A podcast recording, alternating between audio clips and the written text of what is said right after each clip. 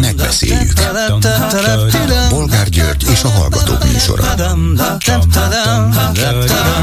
A műsor telefonszámai 061 387 84 52 és 061 387 84 53. Jó napot kívánok a Klubrádió mikrofonjánál, Bolgár György. Mai műsorunkban beszéljük meg, hogy egyre furcsább a súlyos nemzeti színházi baleset utóélete. Először ugye lemondott Vignyánszki Attila vezérigazgató, majd ezt Csák János kulturális miniszter nem fogadta el. Aztán Magyar György ügyvéd itt a rádióban arra hívta föl a figyelmet, hogy Vignyánszki nem is mondhatott volna le, csak föl mert egy gazdasági társaság bízta őt meg, a felmondás elfogadását pedig a miniszter nem mérlegelheti. Ezek után Vidnyánszki egy interjúban elismerte, hogy valóban nem le, hanem felmondott. Egyébként pedig azt is megemlítette, hogy a helyszíni rendőrségi vizsgálat idejére, ami állítólag ma van, vagy lesz, vagy ma kezdődik, visszaépítik a díszletet amelyről a színészek lezuhantak. Mire következett az a jogos kérdés, hogy egyáltalán hogyan bonthatták le azt a díszletet a vizsgálat előtt, és vajon bejelentették-e a balesetet még péntek este a munkavédelmi hatóságnak, illetve a rendőrségnek. A BRFK minden esetre azt válaszolta az index kérésére, hogy nem, nem jelentették be, ők a sajtóban látott hírek alapján kezdtek el vizsgálódni az ügyben. Szóval nem történt itt jogsértés, netán jogsértések, nem apróságok ezek, hanem alapkérdések. Vajon mi lesz rájuk a válasz? Következő témánk, hogy Csintalan Sándor közbenjárására kegyelmet kaphat Novák Katalintól az úgynevezett Hunnia ügy három utolsó börtönben lévő elítéltje. Mivel a többieket, így a terrorcselekmény miatt elítélt Budaházi Györgyöt már szabadon engedték. A három szóban forgó fogoly csintalant verte meg úgy 15 éve, de ő szerinte ez már elég büntetés volt nekik. Szép dolog a megbocsátás, de vajon ezzel nem a Fidesz szélső-szélső jobbnak tett gesztusához csatlakozik az MSZP egykori ügyvezető alelnöke? Mit szólnak ezen kívül ahhoz, hogy a Závec Research legutóbbi közvéleménykutatása szerint erősödött a Fidesz, és jelenleg is legalább 2 millió 600 ezer szavazója lenne. Nem is érdemes már követni a felméréseket. Úgyis mindegy. A Fidesz élt, él, élni fog. És végül beszéljük meg, hogy az orvosi kamara és a szakszervezetek szerint veszélyes, ha eltörölnék, eltörölnék, mint ahogy az egy törvénytervezetben szerepel, a kötelező munkaegészségügyi, foglalkozás egészségügyi vizsgálatot. Veszélyes? Kinek? A Fidesznek? A kormánynak? Na ugye. Telefonszámaink még egyszer 387 84 52 és 387 84 53. Háló, jó napot kívánok! Jó napot, Bolgár Tibor vagyok, és egy mai témára majd később rátérnék, de először hagyj reagáljak egy picit a Márkizai Péternek a tegnapi interjújában. Elhangzott tőle egy olyan, hogy de mindenki tudja, média túlsúly van, természetesen a liberális oldalon, nem a Fidesznél, de még nagyobb túlsúly kéne, és most ugye érző az iróniát. Különben a Fidesz szavazói nem fogják megtudni, hogy a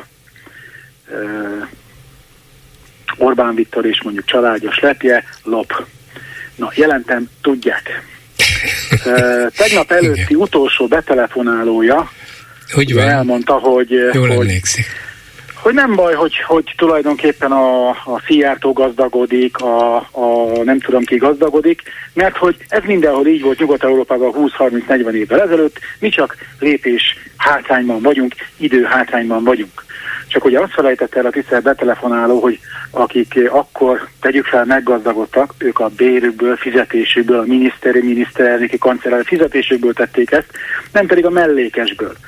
Ugye nem véletlenül kellett azokat a e, nagyon, hogy is mondjam, hihető történeteket kitalálni, hogy családi összefogásból vásároltok meg a Dunakeszi házat, családi összefogásból hoztuk össze ezt, azt, amazt, hiszen a hivatalos jövedelme bőven nem lett volna elég semmire, nem hogy egy több százmilliós vagy százmilliós ingatlanra. Így van. És akkor egy picit erre a médiára megint csak visszatérve. Tehát tudják ugye, hogy lopnak. Nem arról van szó, hogy tájékoztatni kéne őket, hogy ilyen, ilyen turpisságok folynak, hiszen ez azért, aki a, nem csak a kormánymédiát hallgatja, ezt tudja. Hitbéli kérdés, nem pedig meggyőződés.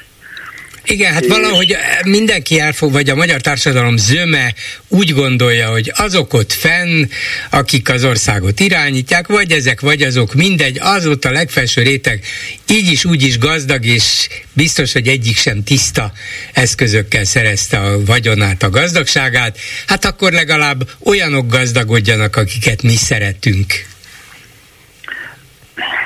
Tudja, az a furcsa, hogy van több ismerősöm, több mondjuk társadalmi rétegből, akiktől mind, minden, mindenhol azt mondom vissza, vagy többet azt mondom vissza, hogy nem baj, hogy gazdagodnak, mert legalább Magyarországon marad. Csak ugye azt felejti el, hogy az egy dolog, hogy lop, de nem tőlem, nem öntől, hanem a gyerekeinktől, az unokáinktól. Mert hogy azt a pénzt, amit most az autópályába, a bányába, nem tudom mibe beforgatnak, azt kellene, hogy oktatásba, egészségügybe, ne adj Isten nyugdíjrendszerbe, hogy, hogy a az utódaink, a következő nemzedékeknek ne e, kelljen mondjuk összeszerelőüzemben, akkumulátorgyárban, akármiben e, gépsor mellett ülnie, hanem tényleg hasznos termelőmunkát tudjon végezni, és most nem feltétlenül kétkezi termelő, hanem szellemi termelő, amiből meg tud élni, amiből meg tudja venni, ne Isten azt a 100 milliós ingatlant, és te kelljen ügyeskedni. Így van, igen, igen. Emlékszem, a hallgattunk két nappal ezelőtt olyanokat mondott, hogy ez a Biden is micsoda egy gazdag ember. Utána néztem egyébként közben, hogy amikor 2017-ben megszűnt alelnöknek lenni, akkor az ő vagyonát körülbelül két és fél millió dollárra becsülték, hát ez nem, nem túl nagy jövedelem az Egyesült Államok. A gazdagok közé tartozik, de, de nem a szuper gazdagok közé, és aztán a következő négy évben, amikor egy ilyen ismert közéleti ember volt alelnök, elkezdi járni az országot, világot, előadásokat tart, nem kis tiszteletdíjért, akkor ez felment 9 millió dollárra. De hát a 9 millió dollár, az mondjuk egy ilyen 3-3 és fél milliárd forint, hát vannak olyan olyan, mit mondjak, magyar politikusok vagy politikusi családtagok, akik ennek a többszörösével rendelkeznek. Ugye ez az amerikai elnök. Így van, így van. És, és akkor Angela Merkelről nem beszéltem, aki egy szerény lakásban lakik a férjével mind a mai napig. Igen. És akkor még egy másik, teg, szintén tegnapi betelefonáló, aki azt mondta, hogy ugye kevert a, a Bolt Pétert meg a Bot Péter Ákost, hogy hol vannak ezek a, ezek a nagy tudású emberek. Ön is ugye elmondta, hogy például Bot Péter Ákos ugye azóta is aktív, azóta sem tagadta meg konzervatív jobboldaliságát, mert nem arról van szó, hogy eltűnt a jobboldalról, nincs rá szükség. És ha megnézzük, hogy a 2010-es kormányban, Orbán kormányban, és a 2022-es Orbán kormányban az egyes pozíciókat, még ha ugye meg is szüntek át és alakultak, kik töltik be, vagy főleg ha a 98-as Orbán kormány nézzük meg. A, a, az akkoriak szakemberek voltak, szakértők voltak, értettek ahhoz, amit, amit rájuk bíztak. A mostaniak üzletemberek, menedzserek. Vagy és pártkatonák, igen. E, igen, rosszabb esetben. Hát igen, igen, igen. Ebben a mostani kormányban is tele van ilyen gazdasági mm, szakember vagy üzletemel. Csák János a kulturális és innovációs miniszter, alapvetően üzletember. A, kultúr, a kulturális miniszter, Szalai Bobrovnicki például, igen, igen. És így tovább. Így. Köszönöm szépen, ennyit szerettem volna csak. Köszönöm szépen én is, és az alapvető, vagy az első kijelentéséhez visszanyúlva, hogy tudni, igen, meg kéne ismertetni a magyar társadalmat azzal, hogy, hogy ezek hogy lopták össze a vagyonukat. Én is úgy gondolom, hogy annak ellenére, hogy az állami televízióból, rádióból, TV2-ből, az origóból tájékozódnak, de azért így vagy úgy eljut hozzájuk a luxusjacht is, meg eljut hozzájuk 60 puszta is, meg eljut hozzájuk Tiborc István is, meg a kastélyok is, csak azt mondják, hogy hát legalább jó kezekben van, jó magyar emberek lesznek ilyen gazdag milliárdosok, úgyhogy nem bánjuk. Még mindig jobb, mintha a komcsiké lenne. Köszönöm szépen, viszont hallásra. Köszönöm, hogy meghallgatott, viszont A telefonnál Magyar György ügyvéd, jó napot kívánok! Jó napot kívánok, tiszteletem! Hát már megint, már megint, és ugyanabban az ügyben, amiben két nappal ezelőtt már szót váltottunk. Sok baj van velem. Nem, de... nem, nem, ezzel az ügyjel van. Egyre több dolog derül ki, ugye ez a súlyos baleset most már kiderült egyébként, ez egy friss hír, hogy a másik sérült is, Horváth Lajos Otto is mm, hazamehetett, elengedték őt is a kórházból, úgyhogy a legrosszabbon mind a ketten túl vannak, ez jó hír. De ettől a súlyos baleset még súlyos baleset volt, és mindenki nagyon meg is ilyet, beleértve a vezérigazgatót is, aki nem lemondott, hanem felmondott, és ezt tegnap egy interjúban elismerte. Nem említette az ön nevét, de hát lehet, hogy tudomására hozták, hogy van ám egy ilyen vélemény is. De lehet bolgár úr a, klub, a klubrádió nevét sem emlegette? Nem, képzelje el még az se. Mert, hát, mert az, ellenségek, az ellenségekről nem beszélt. Nem szoktunk beszélni, mi ellenségek, és én átszerető emberek vagyunk. Ö, akarom mondani önnek, hogy én hülyéskedtem, mert szoktam időnként, ami nem illik persze egy komoly rádióban, hogy ha ő nem tudja, hogy mi a különbség a felmondás és a lemondás között, akkor kérdezzem meg maga körül van 133 jogvégzettségű, vagy 133 Fidesz végzettségű a parlamentben, akik talán kioktatják arra nézve, hogy mi a jogviszony közötti különbség, hogyha valaki úgynevezett gazdasági társaságot vezet, akkor csak felmondási joga van, aki nevezett közszolgálati ember lenne, akkor pedig lemondási joga lenne. De állítólag tegnap a hírtévében ezt tisztába tette. Igen, igen, igen. Ő maga mondta azt, hogy én nem felajánlottam, kérem a felmondásomat mondja ő, ami persze lemondás, hanem felmondtam. De ez, hát akkor ez így van. nem tudja. De annyira tudnia kellett, és még Vignászkinak is tudnia kellett, hogy mit mondott előre, hogy a Nemzeti Színház hivatalos Facebook oldalán az a közlemény, amiben bejelentették, hogy Vignyánszki Attila lemondott, nem felmondott, lemondott, ott van írásban, megtekinthető, úgyhogy gondolom ezt talán megnézte valaki rajta kívül is, talán jogász is megnézte, aztán mégis lemondás szerepelt benne, de mindegy, kicsire nem nézünk. Lehet, Ellen... hogy rendezőnek kellett volna megnézni, vagy díszletmesternek. Viszont az, az index, amelyről tudjuk, hogy hát már nem az az index, ami volt néhány évvel ezelőtt, hanem mondjuk így Fideszes érdekkörbe került, de azért megjelennek érdekes dolgok ott is. Ma reggel egész más szempontokból is megközelítette az ügyet, és ezek nem kevésbé érdekesek. Tehát éppen ebből az interjúból kiindulva azt írják, hogy, hogy Vignyászki maga két vizsgálatról beszélt, egy belsőről, és egy rendőrségi vizsgálatról, és azt írta, vagy azt mondta, hogy, hogy a rendőrségi vizsgálat idejére visszaépítik a díszletet. Már pedig ugye fölvetődik a kérdés, hogy lehet, hogy ez a díszlet megrongálódott, amikor a baleset történt, de nem kellett volna mindent úgy hagyni? Nagyon jó a kérdés, mi, akik kliniken nevelkedtünk, meg Agatha Christiken nagyon jól tudjuk, hogy mi a jelentősége a nyomoknak, mi a jelentősége a bűnjeleknek, hogy tudnak a detektívek hatékony munkát végezni, hogyha nem mozdítják el a helyszínt. A helyszín elmozdítása, a bűnjelek helyzetének megváltoztatása, megítélése igen jelentős mértékben befolyásolhatja a nyomozást. Ön azt mondja, hogy bűnjel, de hát bűncselekmény történhetett? Hát gyanúja megvan ennek a foglalkozás körében elkövetett gondatlan beszélgetésnek, és ezt a BTK vétségnek minősíti. Tehát pedig sem vitás, hogy emberi számítások szerint, ha szóltak volna a munkavédelmi hatóságnak, miként nem szóltak. Na ez a következő, szóltak. hogy annak sem szóltak, pedig ez, ez is kötelező lett volna. A rendőrhatóságnak se szóltak. Annak sem. Hát gondoljon csak bele, bolgár úr, ha ne adj Isten, történik bármelyikünkkel, vagy a hallgatókkal egy közlekedési baleset, és kihívják a mentőt. Hát a mentőnek az első dolga a rendőrség értesítése.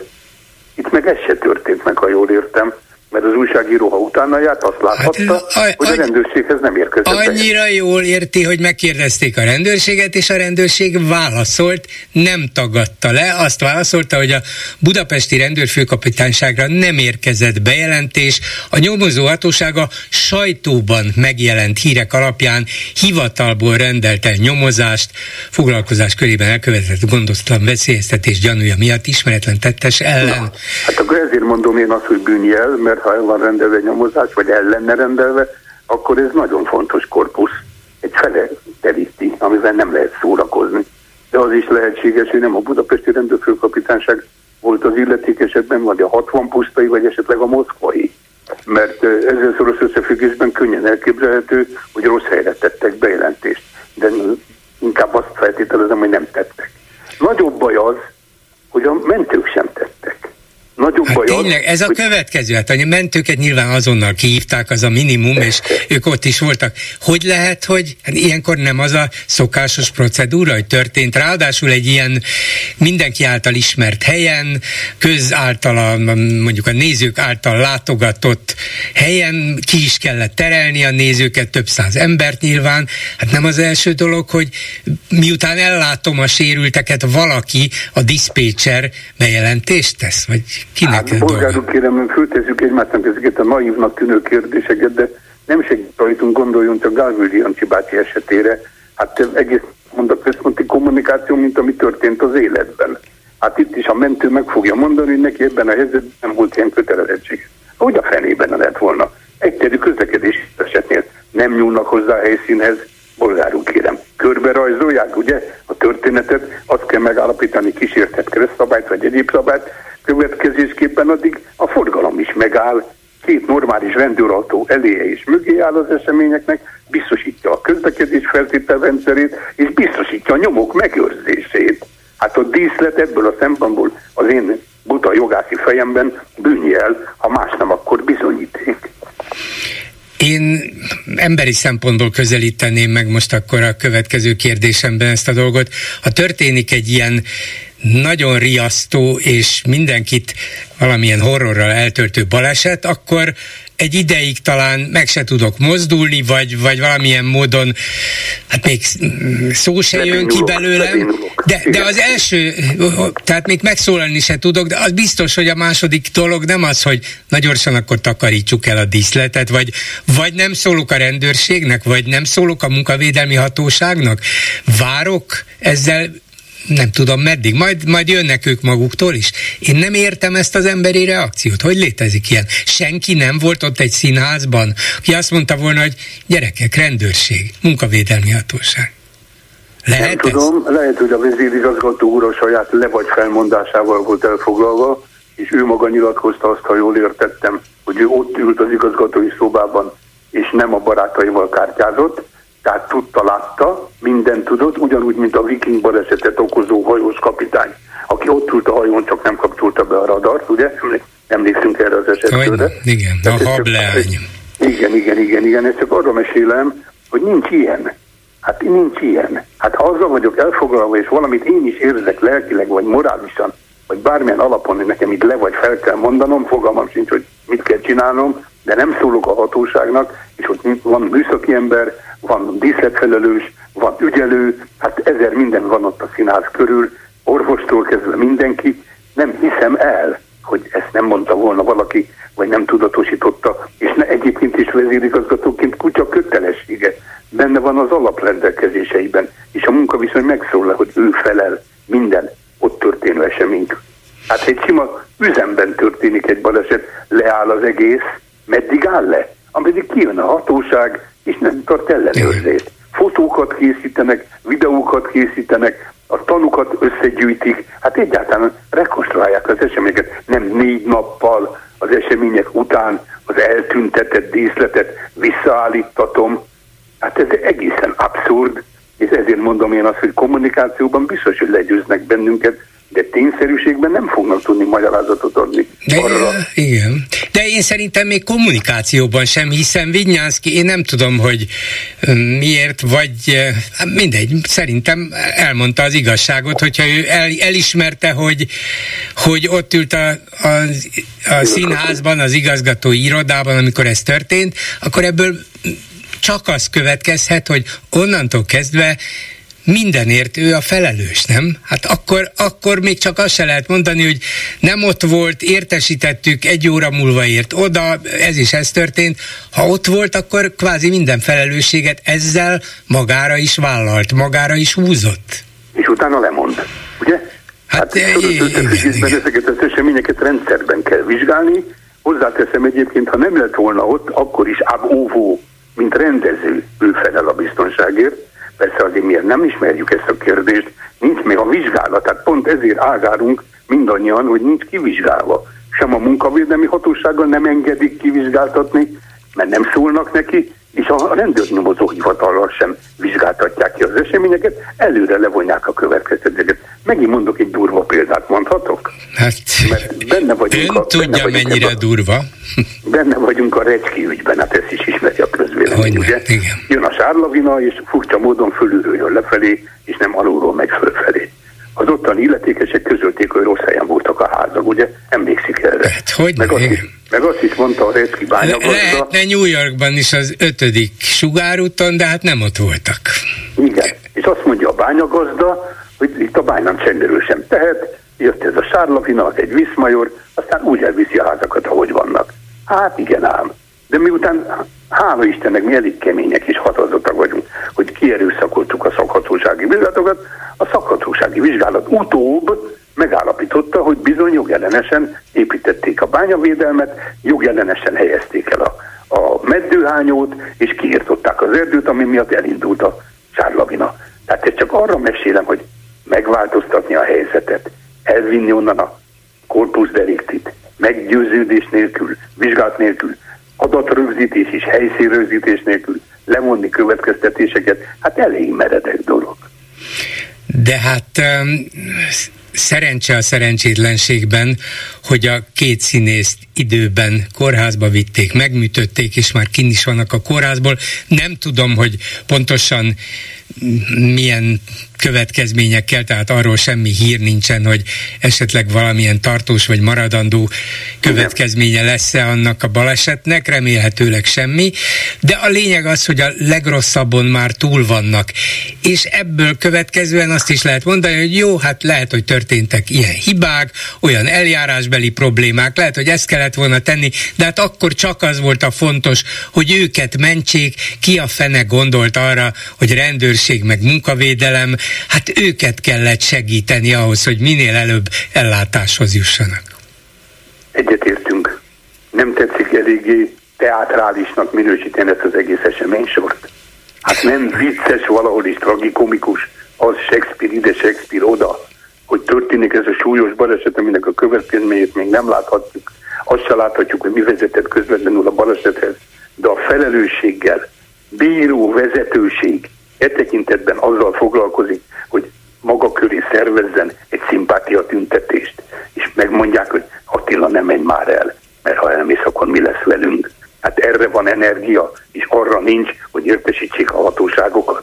A vármegyei hatóságot kellett volna értesíteni, mert egyértelműen a munkavédelmi hatóságnak azonnal intézkednie kell. A nyomokat pedig nem lehet eltüntetni, aki a nyomokat eltünteti, az felveti valahol a bűnpártolás lehetőségét. Nyilvánvalóan elkövető, ha elkövető lenne, akár Vigyánszki, akárki más, nem köteles biztosítani a nyomokat. De mindenki más esetleg megteheti azt, hogy segíti a bűncselekmény nyomainak eltüntetését, ha lenne bűncselekmény. Most maradjunk ebben a feltételezési rendszerben. És valaki erre akár fel is bújthatja, mondjuk a diszletmunkásoknak mondhatja, hogy na bontsátok le, bontsátok le. És akkor, hogy milyen mögöttes szándékkal, azzal a mögöttes szándékkal, hogy másnap a hagyjuk talát játszuk, és nem a Rómaót, akkor lebontjuk a díszletet, vagy azért bontjuk le a díszletet, mert nem akarjuk láttatni, hogy milyen slendrián módon állt össze, vagy nem a szabályoknak megfelelően működtették. Van egy üzembehelyezési terv ilyenkor, azóta már mi is tudjuk, munkavédelmi szempontból előzetesen ellenőriztetni kell minden ilyen építményt, az, hogy a mai világban 5 méterre debdesnek a színészek, az egy másik kérdés, hogy erre miért van szükség, mert ez nem cirkusz, de majdnem mindegy, ha vállalja a színész. Megcsinálja, de lehet önhiba, és lehet más hiba. Ennek a kiderítése szakhatósági kérdés. Ha van bűncselekmény, vagy van szabályszegés, akkor rendőrhatósági. Ha csak munkavédelmi, balesetvédelmi, és ezzel kapcsolatos jogkövetkezmények, akkor pedig szakhatósági. Ezek nélkül nem lehet állást foglalni. Nem akarom a dolgot elterelni erről a fővonalról, mert én is legalábbis furcsának tartom mindazt, ami történt és ahogy történt, de hát tudjuk, látjuk, hogy a mai színházban egyre több helyen, egyre többféle hát a veszélyesség határát súroló módszerhez folyamodnak rendezők, és ebben részt vesznek színészek is, akarva, nem akarva, de hát úgy érzik, hogy talán ezt kell, ezt várják tőlük. Például tegnap egy komoly zenei tévében láttam egy francia opera előadást, amelyben a nem színészek, az énekesek, opera énekesek egy, egy ilyen gördeszkás pályán, ismeri ezt, a, ezt az ovális pályát, az volt felállítva a színházra, leföl, gördeszkáztak, ugráltak, volt amelyik break táncolt, szóval valami, és közben énekelte a, a, a férfi a maga kontraltó hangján, tehát női hangon a szerepét. De az jutott eszembe, és mi van, ha itt menet közben a nyakát töri? Lehet azt mondani, hogy hát, hát sajnos rosszul csinálta, megcsinálta százszor jól, százegyet egyszer nem sikerült, ilyenkor a rendező, a felelős, vagy a díszletmunkás, hogy rosszul rakta össze azt a, azt a skateboard pályát? Az ilyen extra tevékenységeknél megítélésem szerint nyugaton egészen biztos, hogy keleten mi történik, azt nem látom át. Ö, extra biztosítási megállapodásokat kötnek. Tehát feltételezem, hogy rögzítik azt, hogy mi az elvárás, feltételezem, hogy rögzítik azt, hogy milyen tevékenységet végez valaki saját veszélyére, amit ön bevállal, és amit megvásárolnak tőle. Megfizetik a veszélyvállalását, mint a kaszkadőr meg, ugye? Én azt el tudom képzelni, hogy születik ilyenkor egy megállapodás, a megállapodás mögött pedig van egy biztosítási szerződés melléklet, amely az esetleges balesetek esetén a kárfelelősséget átvállalja. Ez normális esetben el tudom képzelni, hát minden a produkció, ugye, a mai világban ma már a cirkuszozás az nagyon lényeges kérdéstől, és vannak színészek, vagy vannak művészek, akik szegények rákényszerülhetnek arra, hogy extrát vállaljanak, talán extra gázsít. Köszönöm szépen Magyar György ügyvédnek. Hát akkor izgatottan várjuk, hogy mi lesz hát a következő. Két naponta majd át, Így van, igen, igen. Még nem tudhatjuk, mi fog történni, lehet, hogy most már elindul egy vizsgálat. Hát igen, talán, talán egyre többet tudunk meg, mert egyelőre csak a kérdéseink szaporodnak. Köszönöm szépen, minden jót viszontalásra. Köszönöm a lehetőséget. Háló, jó napot kívánok! Tiszteletem, Bolgár, jó napot kívánok! Én szintén ehhez a témakörre szeretnék hozzászólni, amit Igen. a magyar úrral folytatott imént eszmecserét, és hát nekem is az a véleményem, hogy itt többszörös törvénysértés fordult elő, hiszen ugye mi az, hogy elmondották a, a díszletet.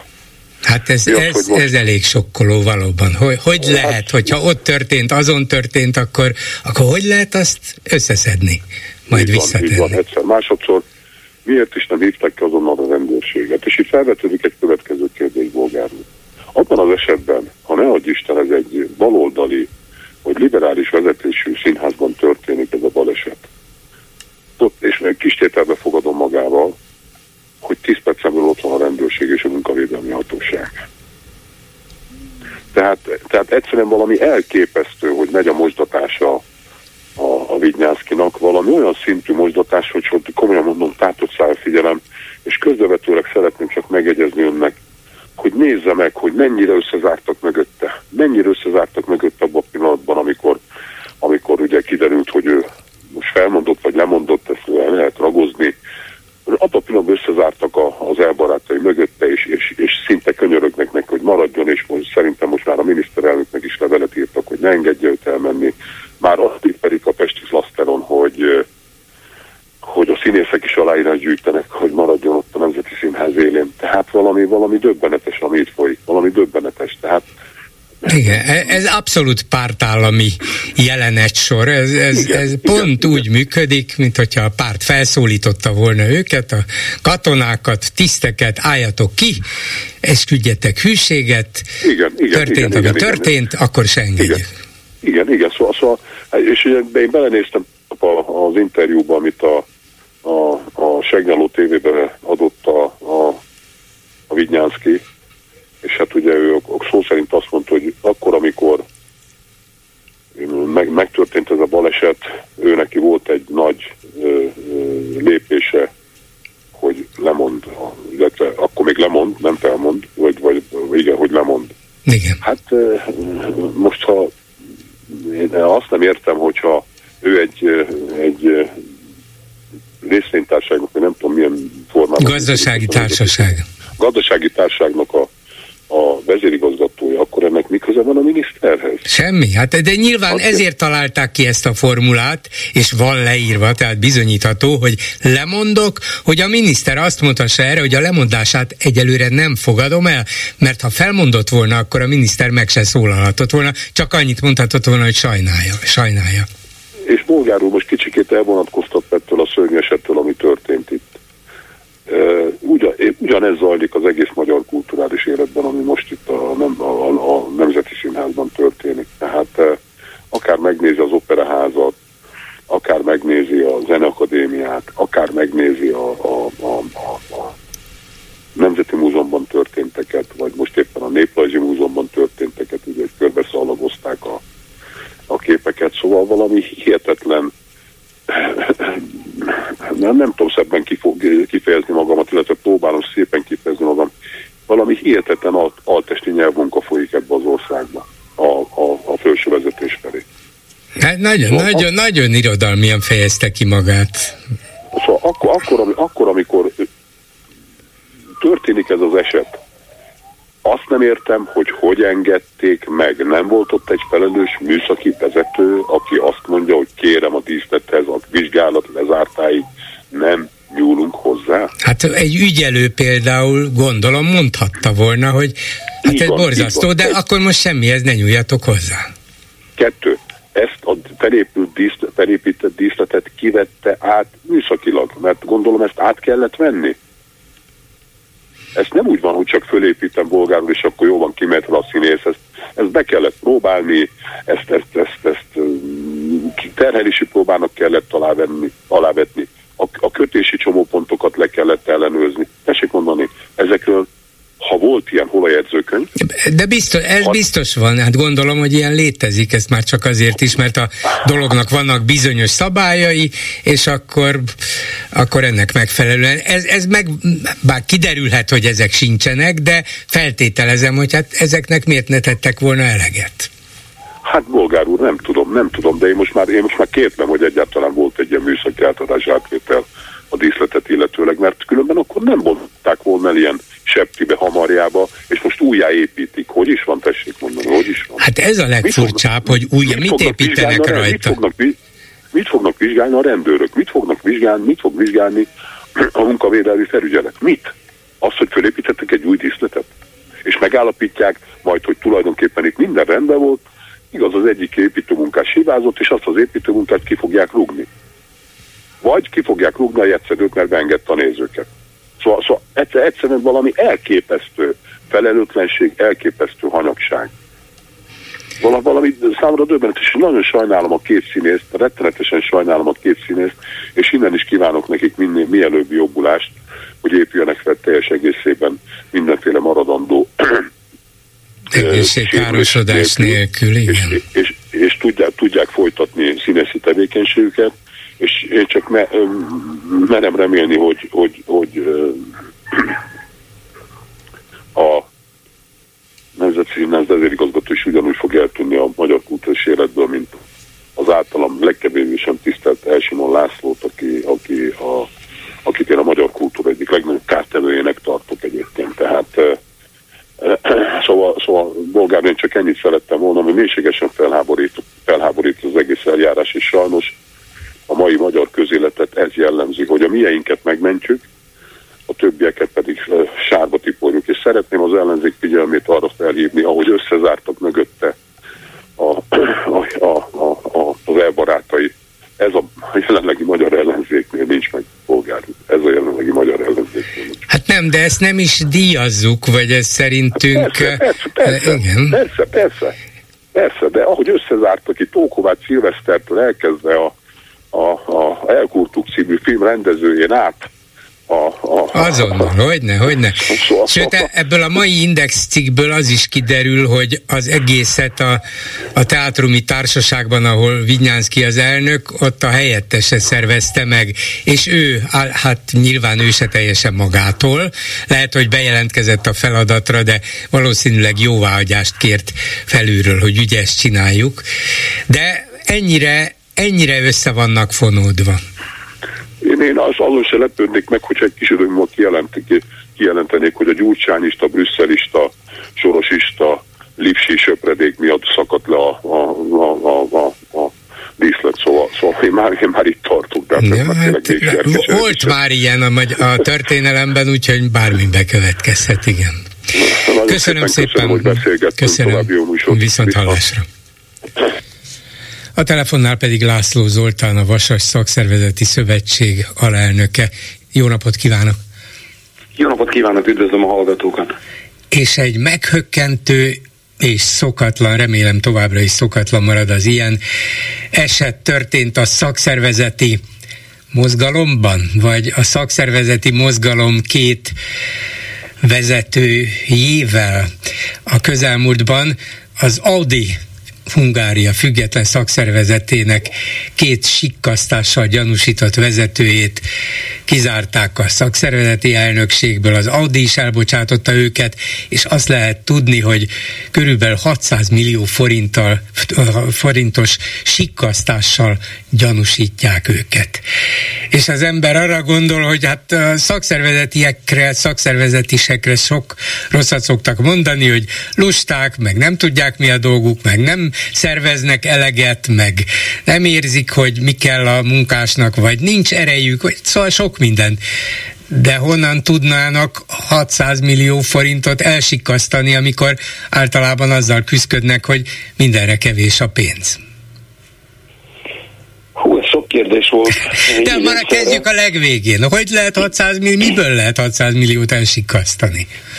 Hát nyilván 600 milliónál több pénzből lehet de én azt gondolom, hogy nem is ez a legfontosabb, hanem a talán a kezdjük inkább ott, hogy ez a szakszereti mozgalom, ez egy független szakszervezet. Nem tartozik egyik szövetséghez, konfederációhoz sem.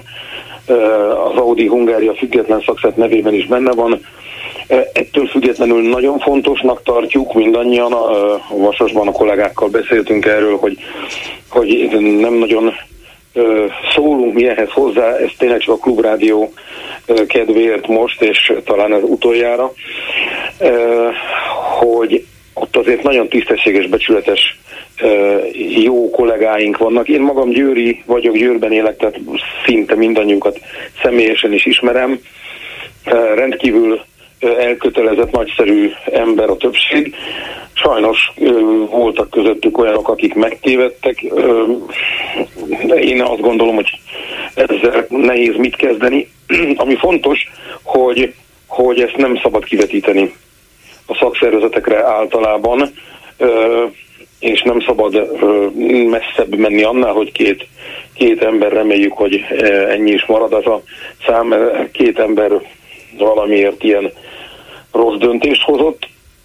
Viszont fontos azt tudni, és ezt mi elmondtuk a, a mi köreinkben mindenhol, hogy azért a független szakszervezetek és a szövetségben, a konfederációban vagy ágazatokban tömörű szervezetek között általában van egy nagyon komoly uh, nézetkülönbség, egy dilemma, ami éppen erről szól, hogy például a Vasas Szakszervezeti Szövetség az egy ágazati szakszervezet, mint egy 200 alapszervezet az ország több tucat pontján alkotja.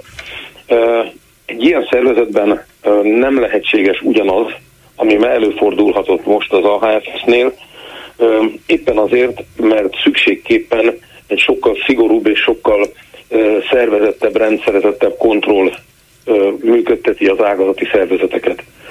Mi nálunk a Vasasban nagyon pontos, szigorú szabályok vannak, és igen-igen sok ellenőrző pont, amelyik minden egyes fillér elköltését az szigorúan ellenőrzi kézben tartja. Tehát ezt érteni kell a, a kedves hallgatóknak, és nagyon fontos, hogy a tagjainknak, hogy az egyik olyan dilemma a független és a, az ágazatokhoz tartozó szakszervezetek között éppen ez. A függetlenek általában mitől függetlenek? A többi szakszervezettől. Ők bent maradnak a saját gyáruk kapui mögött. Ez az AHFS-re is igaz. És ennek a, vannak nyilvánvalóan olyan pontjai, amit előnynek szoktak nevezni, én ezt sem tartom igazán egyértelműnek, de hogy sokkal könnyebb a gyárkapon belül szervezni, mint mondjuk országosan. Viszont az is biztos, hogy sokkal kevesebb a kontroll ez, hogy független szakszervezet még egy ilyen óriás gyárban, mint az Audi, azért ott több ezer munkavállaló van, ugye? Ott, ott még valamennyire talán elfogadható, bár nem értem, hogy miért nem volnának erősebbek például a szakszervezetek, hogyha az Audi, a Mercedes, a BMW, az Opel és a többi Suzuki ma se biztos, hogy a Suzuki-nál egyáltalán engedélyezik a szakszervezetet, mi a legutóbbi állás, de az az én feltételezésem, hogy például az autóiparban, a szakszervezetek együttesen fejtenének ki tevékenységet, azért az valahogy erősebb, mm, talán hatásosabb, eredményesebb lehet, mint hogyha külön-külön, bár ki tudja, a külön alkuknak is meg lehet a maga eredménye. Az ön feltételezése erről micsoda, hogy együtt erősebbek volnának? Bolgár úr, ha megunja a klubrádiót, akkor várjuk a vasasban. Annyira pontosan leírta. Mi ezen dolgozunk, és erre büszkék is vagyunk, hogy a BMW-ben például már megalakult egy vasas szervezet, úgyhogy még a gyár tulajdonképpen nem is működik, de vasasból oda került kollégák mm, megalakították mm, a szervezetüket külföldi betanulás alatt. A Mercedesben egy nagyon jól működő, szép nagy létszámú szervezetünk van. A Suzuki-ban is van szakszervezet, Mosas, és itt egy nagyon fontos mondat elhangzott, hogy nem biztos, hogy a munkáltató engedné. Ezt, ezt halljuk néha, ezt a mondatot. Ilyenkor mindig egy picit ki kell húzni magunkat. A munkáltatónak ehhez annyi köze van, mint az esőhöz. Olyan nincs, hogy ő engedi, vagy nem. Tehát az lehet, hogy nem működik együtt, az lehet, hogy nem vesz figyelembe, az lehet, hogy ellenséges, ez történik a Suzuki-nál, de hogy a dolgozók úgy döntenek, hogy élnek ezzel a demokratikus alkotmányban is, a, bocsánat, alaptörvényben is rögzített jogukkal, hogy ők létrehoznak egy szakszervezet, ebbe a munkáltató nem szólhat bele. Ezt mindenkinek érteni kell. Igen jó, hogy ezt elmondta Bolgár úr, mert hogy ezt néhány helyen tévesen annyira komolyan veszik, hogy például akkumulátorgyárakban, főleg távolkeleti munkáltatóknál egyébként, akkumulátorgyárakban már hallottunk olyat, hogy azért nem mernek szervezkedni, mert nem engedi a munkáltató, ez nem a munkáltató uh-huh. ö, hatásköre, ez a, ez a joga minden magyar ö, munkajog alá tartozó embernek, nem csak magyar állampolgárnak, hanem aki a magyar munkajog alá tartozik, tehát itt dolgozik munkavállalási engedélye ebben az országban.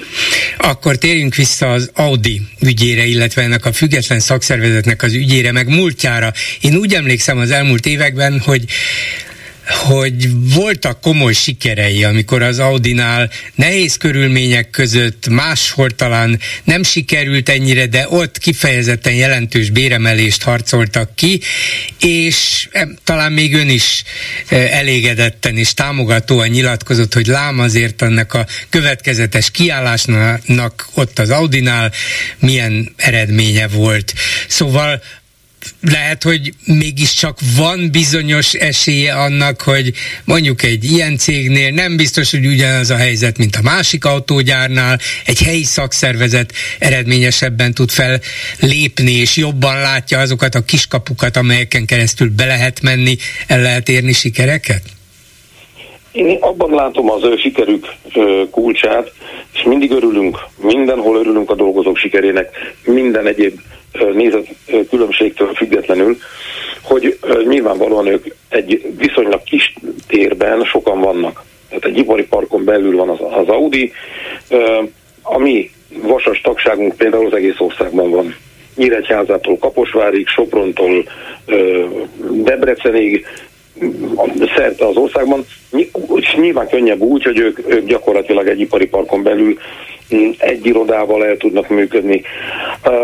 Aztán az is igaz, hogy nagyon fontos az a kultúra, ami a, a munkáltatóra jellemző a foglalkoztatási kultúra. És ez megint azért fontos kérdés, mert az utóbbi időben éppen erről beszélünk, hogy egy, egy, egy átmenet zajlik a világban, ami a karbonsemlegességtől elkezdve a sok mindennen keresztül ö, indokolt már, de a lényege ennek az, hogy ezzel kapcsolatban figyelni kell arra, hogy a, a megszűnő munkahelyek, amelyek ennek a folyamatnak okán megszűnnek, azok nyilvánvalóan valamilyen minőséget képviselnek egy régebbi, hosszabb kultúrával rendelkező ipari környezetből, helyette, amik létre fognak jönni, azoknak nem szabad rosszabbaknak lenni, mint amik megszűnnek.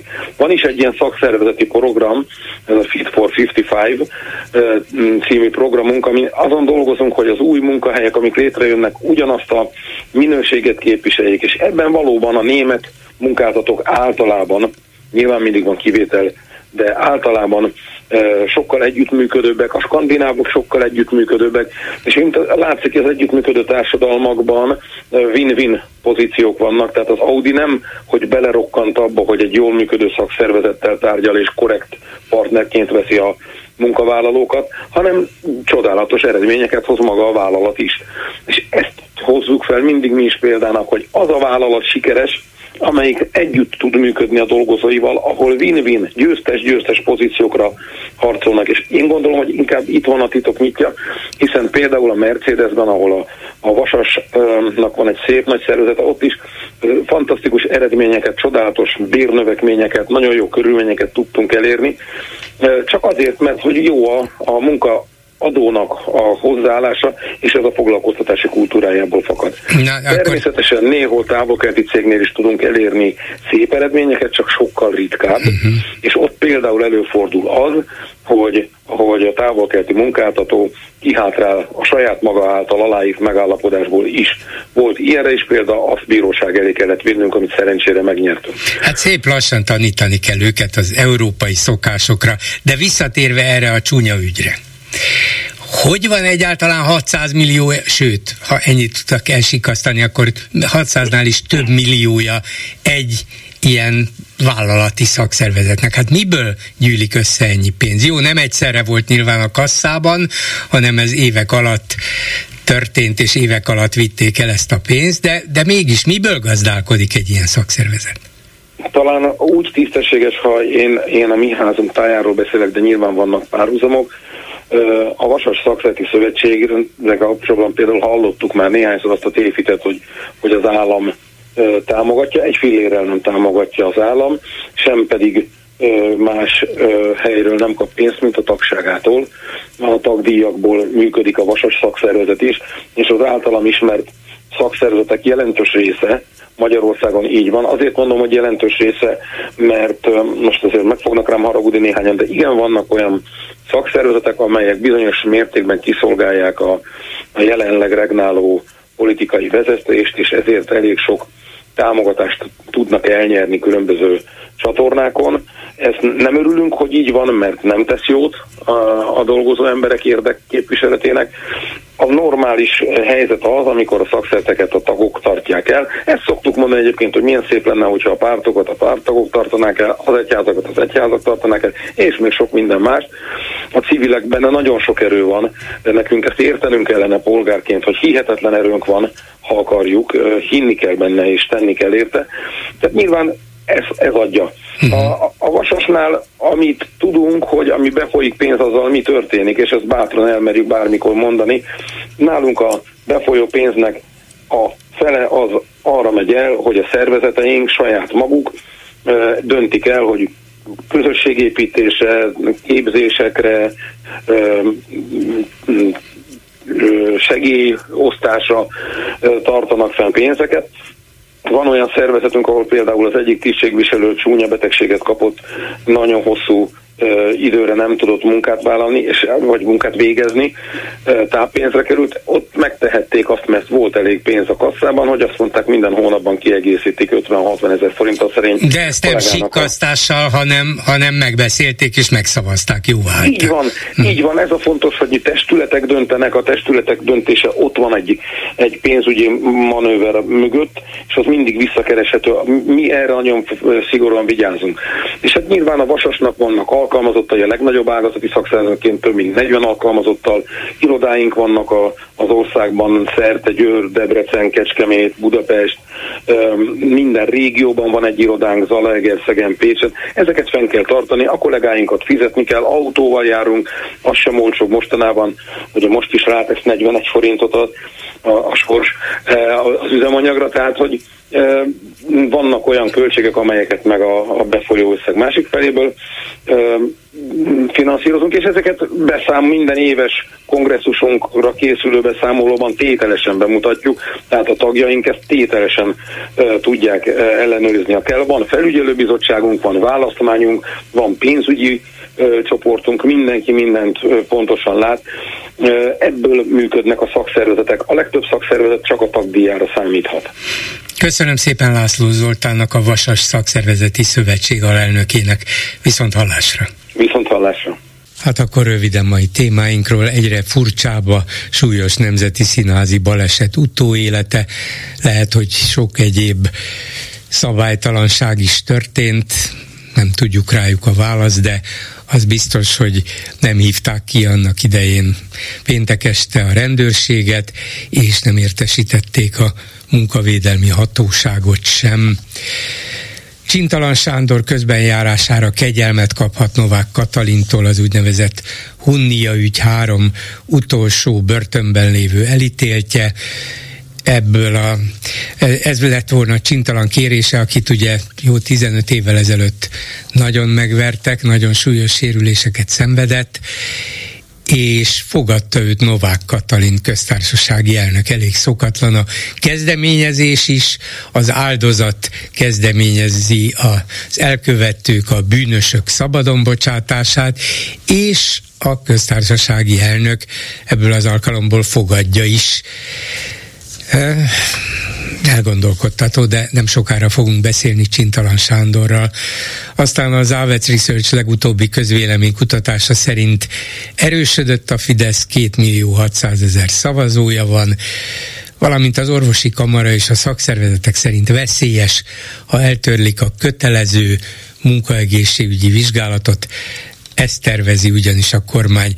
Ja, még egy ilyen egészségügyi apróság, mától háromszorosára emelkedik a gyógyszertárakban elkészített gyógyszerek ára. Egyik napról a másikra minden további nélkül bejelentették, most már állítólag több mint egy évtizede vagy még régebb óta változatlanok ezek az árak, elhiszem, hogy ez veszteséget jelent a gyógyszerészeknek, de hogy hirtelen egyik pillanatról a másikra háromszoros legyen az áruk, ez legalábbis érdekes, vagy vagy magyarázatra szorul, vagy miért nem lehetett erről beszélni, vagy azt mondani, hogy ez tarthatatlan a mostani helyzet, ezért a patikusok kérésére megvizsgáljuk, és tegyük föl kétszeres, vagy akár háromszoros áremelést tartunk szükségesnek, nem bejelentik, közé teszik. Mától így van. Úgyhogy tessék a patikákban gyógyszert készítetni, de most már háromszor annyit tetszik fizetni érte. 387 84 52 és 387 84 53 a számunk. Háló, jó estét kívánok! Jó estét kívánok, bolgár úr! Parancsoljon! Vász vagyok. Annyi témát sorolt föl, hogy már az egyiket is elfelejtettem a másik után. Inkább azt mondom, voltam kint gombászodni. Nagyon jó gomba van a réten. és elviszi valamilyen gombavizsgálóhoz, hogy nem kell, nem, nem kell, saját felhasználása van, úgyhogy ha Na de vigyázzon magára. Ma ne, ne, vigyázzon magára, hát az ember néha tévedhet, nem?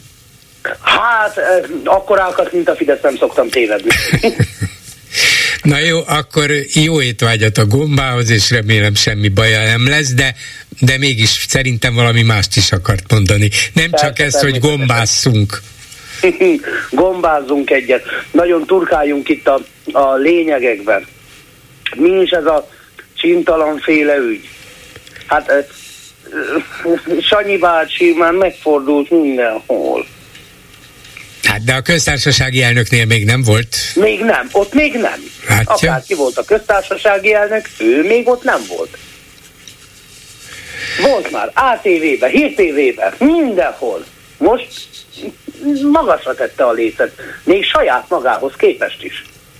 De látja, lehet, hogy eredménnyel jár. Bement a köztársaság, hát nyilván nem csak úgy bement, mert lehet, hogy egy kordont húztak volna föl eléje, hogyha csak úgy be akar menni, de nem, nyilván megbeszélték, egyeztették, fogadta őt a köztársasági elnök. Kijött, elmondta, ott várták is az elítéltek hozzátartozói, meg, meg Gulyás Balázs, a Gulyás ágyú médiának a vezetője, úgyhogy el is mondta, hogy... Pár évvel ezelőtt még nem így nyilatkozott. Hát jó, múlnak az évek, és lehet, hogy úgy gondolta, El, hogy, igen, igen, hogy igen, ennyi másfél évtized után meg lehet bocsátani.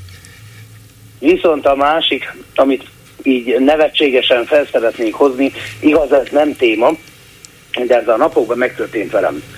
Ö, harmadik szomszédom megkapta a nyugdíj kiegészítést, hát ezt a nem périumot, hanem azt a Hát a korrekciót, igen, e- ezt az emelést visszamenőleg a magasabb igen. infláció miatt. Így van. Kapott 43 ezer forintot. Mármint mondom, 43 ezer Visszamenőleg forintot. az előző 10 hónapra. Így van, uh-huh. így van. És azt mondta, tehát um, együtt álltunk, vártuk a postás, vidéken lakom, nyilván vártuk a postás, azt mondta, hogy Hát de Orbán Viktor megmondta, hogy 80 ezer forintot ad.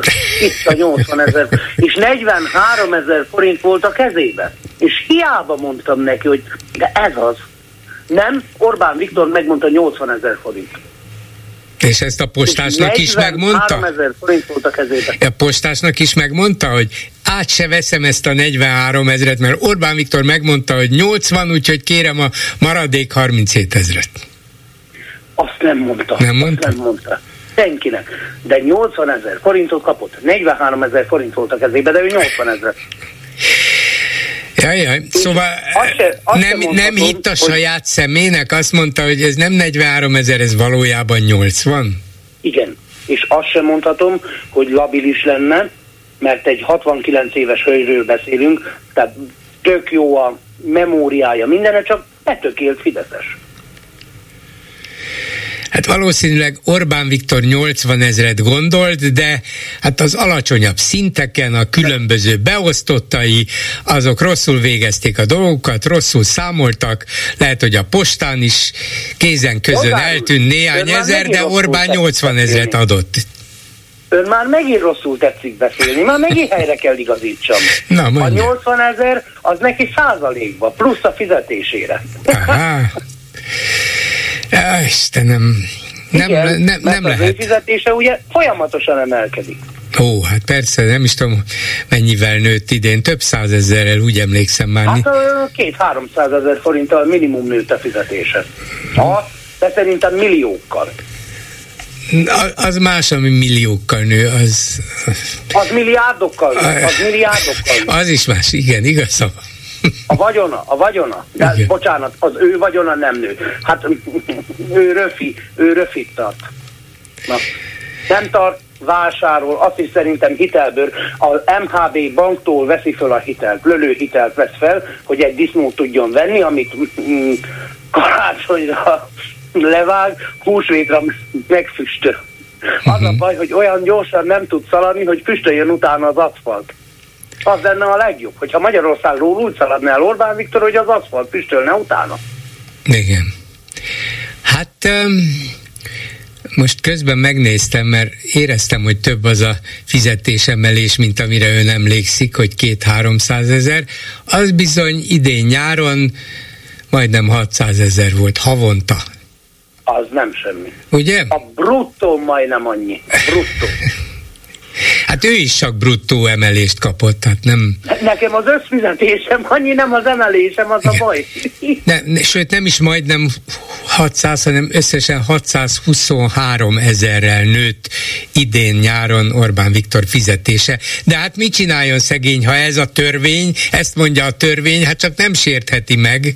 Azt a törvényt, azt, amit ők módosítanak egy-két perc alatt, az, az, az, az nem lehet így van. A törvény a törvény. Be kell tartani. Át kell venni ezt a fizetésemelést. Hát az ember rossz, rossz lelki állapotban veszi ezt át, biztos, igen. Igyekszik Á, nem gondolni nagyon. rá, Szerintem de hát még veszi. a szíve is rá fog neki menni.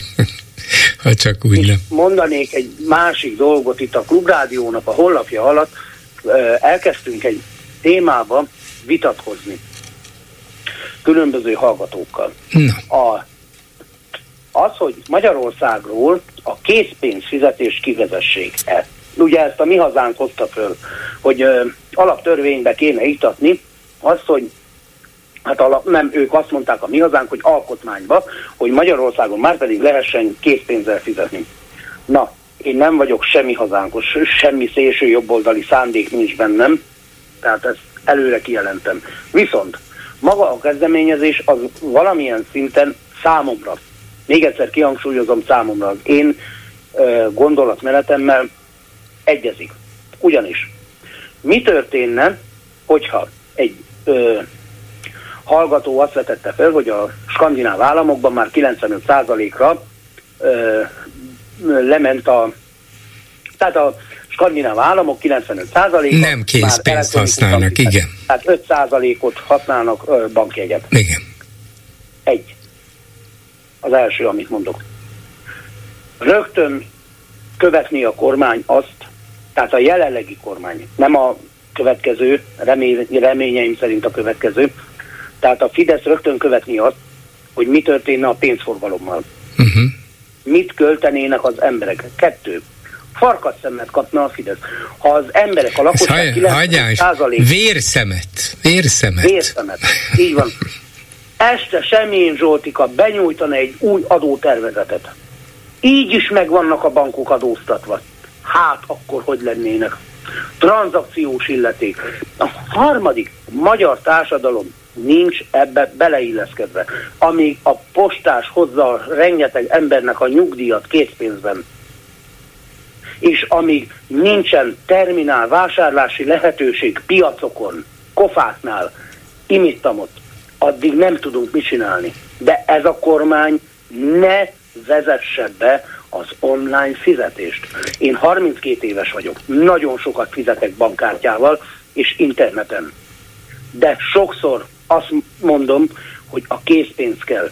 Ebbe az, ebből a szempontból viszont nagyon is kell a készpénz. Szerintem nem, nem merik hát teljesen átállítani a fizetést kártyára és elektronikus véleményt nézzük, bolgár úr, akkor viszont ők is. Tehát a pénzek azok a ugye volt, mikor Nokiás dobozba, az ugye nem a Fidesz kormány volt, na mindegy. Sőt, nem dobozba. is volt, az hagyjál, hogy nem a Fidesz kormány alatt, de mint kiderült, nem is volt. Nokiás doboz volt, csak nem az, amire, amire hát ennyi szólva nem is célzásokat, hanem konkrét vádakat alapítottak. Egyébként javaslom minden klubrádió hallgatónak és követőnek, hogy ezt a 444-es interjút, ezt a 1 óra 20 percet, ezt a 80 percet, ezt töltse el. Uh-huh. Nagyon tanulságos. Jó, köszönöm szépen. Ja, gondolja meg, hogy hogy mennyire nem akarja ezt a Fidesz, amikor pár héttel ezelőtt Szijjártót valamilyen divatos cipővásárláson kapták rajta valahol, talán valami bulvárlap, és kiderült, hogy készpénzzel fizetett, és maga Szijjártó közölte, hogy csak KP. Úgyhogy ne, ne, iz, ne izguljon, a Fidesznek is szüksége van a KP-re. De hát az a baj, hogy ugye a mindennapi embert viszont a Fidesz nagyon-nagyon-nagyon rá, tehát az, hogy ők, hogy KP-val fizetnek, az csak egy dolog. De viszont ha elektronikusan fizetnénk, mert végül is a lakosságot rá lehet szoktatni, rá lehet vezetni. Ugye csak nézzük azt, hogy minden hülyeségre 3000 milliárdot elvett a lakosságtól. Tehát minden hülyeségben benne van a lakosság.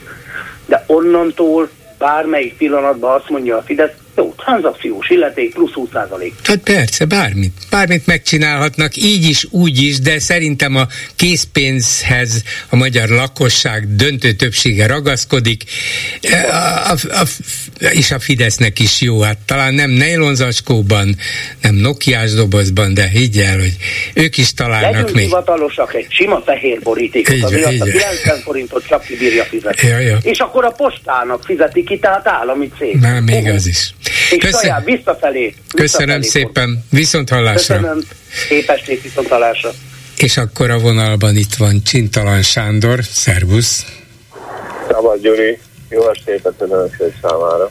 Hát nem mondom, hogy az elmúlt évtizedekben nem tudtál meglepni engem és másokat is sok mindennel, de ezzel a maival is, hogy elmentél Novák Katalinhoz, mégpedig azért, hogy a te megverőidet, akik majdnem halára vertek, kihozza börtönből. Szóval a te közbenjárásoddal adhat kegyelmet a köztársasági elnök ennek az úgynevezett Hunia ügynek a három még börtönben lévő elítéltjének.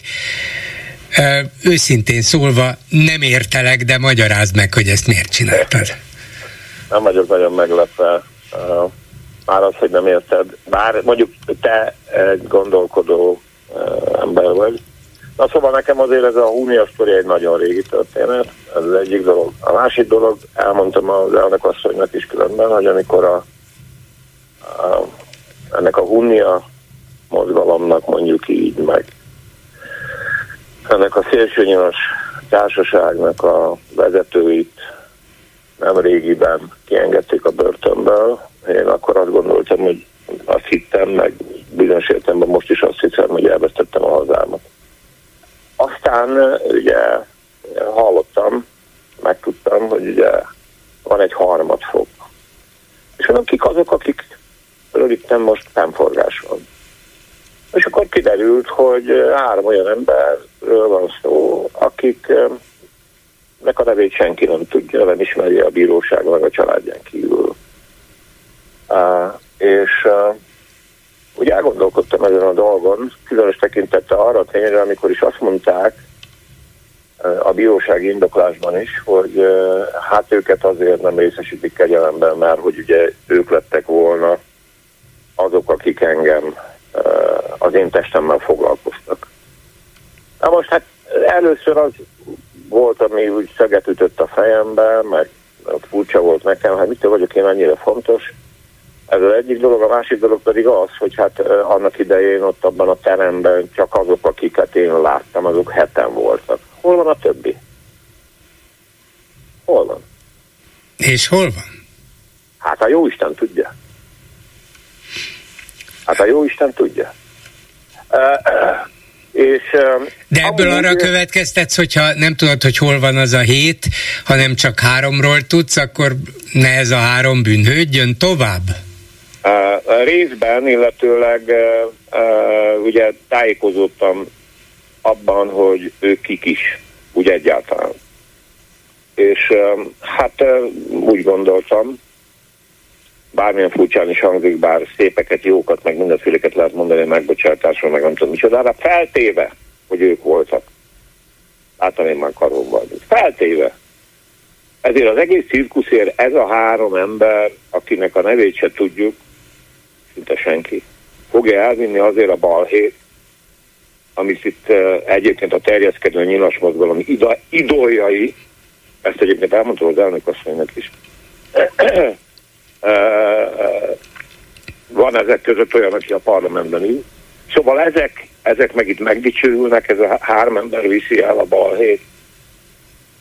És amúgy, hogyha ez egy igazságszolgáltatás lenne a nyomozástól a bírósági döntésig, ha tényleg én vagyok a hivatkozás, személy szerint, akkor eh, ha ez egy olyan igazságszolgáltatás, megnyomozás, akkor ezek az emberek már bekerültek volna, ugye, mint ahogy be is kerültek a börtönbe, de azért, amit én értem lehet kapni, azért már szabadlábon kéne lenniük. Uh-huh. Úgyhogy az én lelkemre, meg... Tehát meg a, úgy dönt, vagy úgy értékelted a dolgot, hogy itt rád hivatkozva büntetik meg ezeket túlzottan, miközben a, mondjuk a főfelelősöket, meg az irányítókat már elengedték? Hát részben meg besevitték, de Vagy egyébként Gyuri nem, nem feltételezés. Ez a bírósági döntésben és amúgy egyébként a, az elnök eddigi hivatkozásaiban világosan ben volt, és egyébként nekem is most a beszélgetésben elmondta, hogy ő úgy gondolja, nyilván nem most találta ki azért, meg hát valamelyes követte a etárban úgy néz ki a munkásságomat. Azt mondta, hogy ő, mint intézmény, így gondol a saját szerepére, és ugye nem mellékes, hogy ki mit nem csak az az érdekes, hogy ki mit mond, hanem hogy, hogy hogyan viselkedik. Hogy, hogy ő neki, nekem van jogom megbocsájtani. És mondtam neki, hogy igen, én így gondolom, én, me, én megbocsájtottam, és nem szeretném három ember életét végzetesen és örökké tenni. Mert ezek az emberek most megint éveket ültek volna a börtönbe. Még mennyi, volt, mennyi volt még nekik hátra a büntetés? Hát olyan négy év körül. Aha. Hát most nem tudom, kettőtől négy évig. Hát, igen. igen. Azon kívül, hogy a, az egyik fiatalember elveszette, ő közben köztestületi tag szintig eljutott a régészetben a Tudományos Akadémiáig. Hogy micsoda? Hogy hát ez, régész, ez egy régész, az régész. aki Igen, téged, régész, aki téged feltehetőleg agyba főbevert, vagy egyike azoknak, feltehetően, hát, mert vagy, vagy igen, vagy nem, igen. az egyébként régész? Lett közben, igen. Kiképezte ah. magát, igen. Ja, ja. És, uh-huh.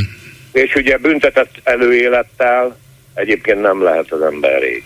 Uh-huh. Tehát most ennek az embernek most nagyon hülye hangzik, hogy mondom, pusztán azért, mert hát jó, tényleg a hajszálom múlott az életem, de hát azért nem lehet, nem, nem ítélhetem én, ha úgy tetszik, életfogytiglanra, hát hogy jövök én ahhoz, és ott van még hét gyerek. Azt nem tudtad meg a köztársasági elnök asszonytól, hogy hát jó, ő kegyelmet adott Budaházinak és másoknak, de ez a három miért maradt ki? Hát ezért de most már kegyelmet ad. Hát, hát kell, értem. hogy jogerős ítélet legyen. Tehát jogerős uh-huh. ítélet előtt nem, és nekik volt harmadfok. Uh-huh. Ja, értem, értem, igen, igen, igen. Így jön be a harmadfok. Igen. igen.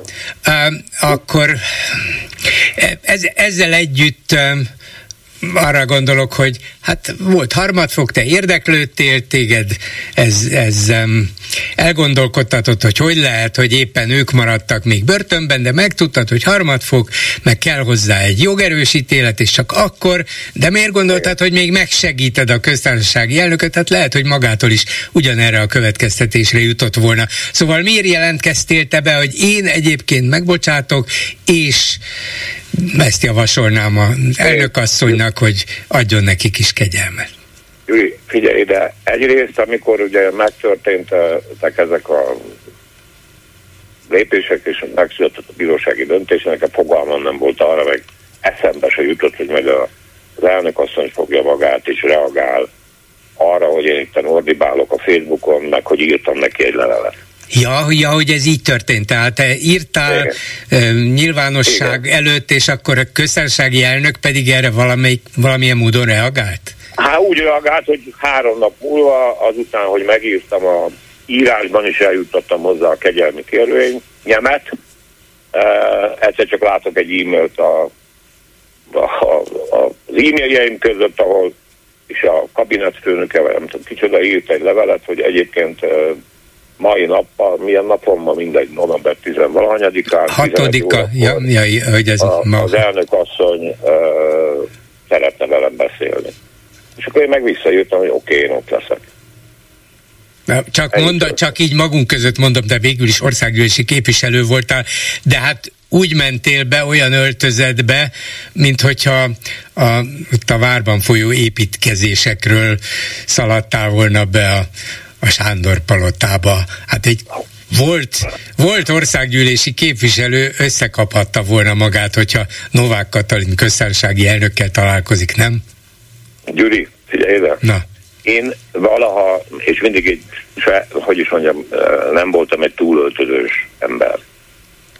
De most azért elmondom neked, hogy nem nagyon szeretnék most már ideológikusan is olyan öltözékekbe járni, ahol egyébként a a bűnözők felül vannak reprezentálva gyönyörű öltönyeikben. Ja, szóval ennek politikai üzenete volt, hogy te, ha, mint igen, proli mész igen. be a Sándor palotába. Ugyan Vegyék én tudomásul. egy bunkó proli vagyok, igen. Egy, egy komcsi, kész passz, le van szar. Már nem az elnök asszony, nem, értem, hanem értem. az egészen a hócipőm tele van. Már hogy ezzel a részével. Hát itt vannak, itt mosolyognak, gyönyörűen fölöltözve, jó, de, de miután ezt mondod, és így is gondolod, ebben biztos vagyok. De mégis akkor valamilyen módon, ha kicsit is a részévé válsz, mert azt mondod, ezek menjenek a fenébe, hát tényleg felháborító, amit művelnek, de bemegyek hozzájuk a palotába, és kérek, kérek valamit, vagy javaslok, nem, kérek valamit. Nem, Gyuri, egyrészt nem hozzájuk, hanem a köztársaság elnökéhez mentem el ami egy eléggé régi intézmény, és őszintén szólva, ugye emlékszem a korom miatt is arra, hogy mondjuk milyen hősies magatartást tanúsítottak. Elnökök jellemzően mondjuk a retorikai uh, izéken kívül. Uh, én ezt egy, uh, én megdöbbentem, én meglepődtem. Már min? Hát azon, hogy, hogy az elnök asszony úgy döntött, hogy ebben az ügyben akar velem beszélni, és meg akarja tőlem kérdezni szemtől szembe, hogy én megbocsájtottam-e. De hát lehet, hogy neki, vagy nekik jól jön ez, hogy lám még a csintalan is kér tőlünk valamit, és mi olyan, hát a nemzet érdekében el is fogadjuk, és úgy gondoljuk, hogy igen, a megbocsátásnak itt a helye, ez végül is, és akkor neved magadra, de ki kell mondanom, ez végül is itt a nemzeti együttműködés rendszere, lám itt a bizonyíték a kutyafülét, és amúgy három ember élete, meg azoknak a gyerekeknek az élete többet ér nekem, mint ez az egész rendszer, meg főleg az, hogy aki félre akarja érteni, az félre fog érteni. Uh-huh. Hát nem gondolod, hogy most nem, azt, azt nem gondolom, azt, amit most már nem mondanak, azt nem gondolom. És küzdök a lelkiismeretemmel, hogy ja Istenem, most egy csomó rossz indulatú magyarázás, most nem rád gondolok. Jogos a, jogos a kérdés. Teljesen jogos. Hát olyan telefonokat kaptam, Győri, hogy azt hittem, hogy a fülem ketté áll. Tényleg? Már, persze, már hát, megtaláltak vele? Jó. Már előtte, hát azért vannak, akik úgy olvasgatják, meg nézik, meg tudják, hát barátok, ismerősök, újságírók, hát sok embert ismerek. Még a izéről is, a Kanári-szigetekről is fölhívtak hajnalba. Hogy most hallom, és az egyik egyébként egy újságíró volt, és mondtam, Béla, nem fogom megmondani a vezeték, mert Béla, mi lenne, ha, tudna, ha olvasnál, például elolvasnád azt a szöveget, amit mondjuk például a Lukácsi Katinak is elmondtam az interjúban, meg itt de mi lenne?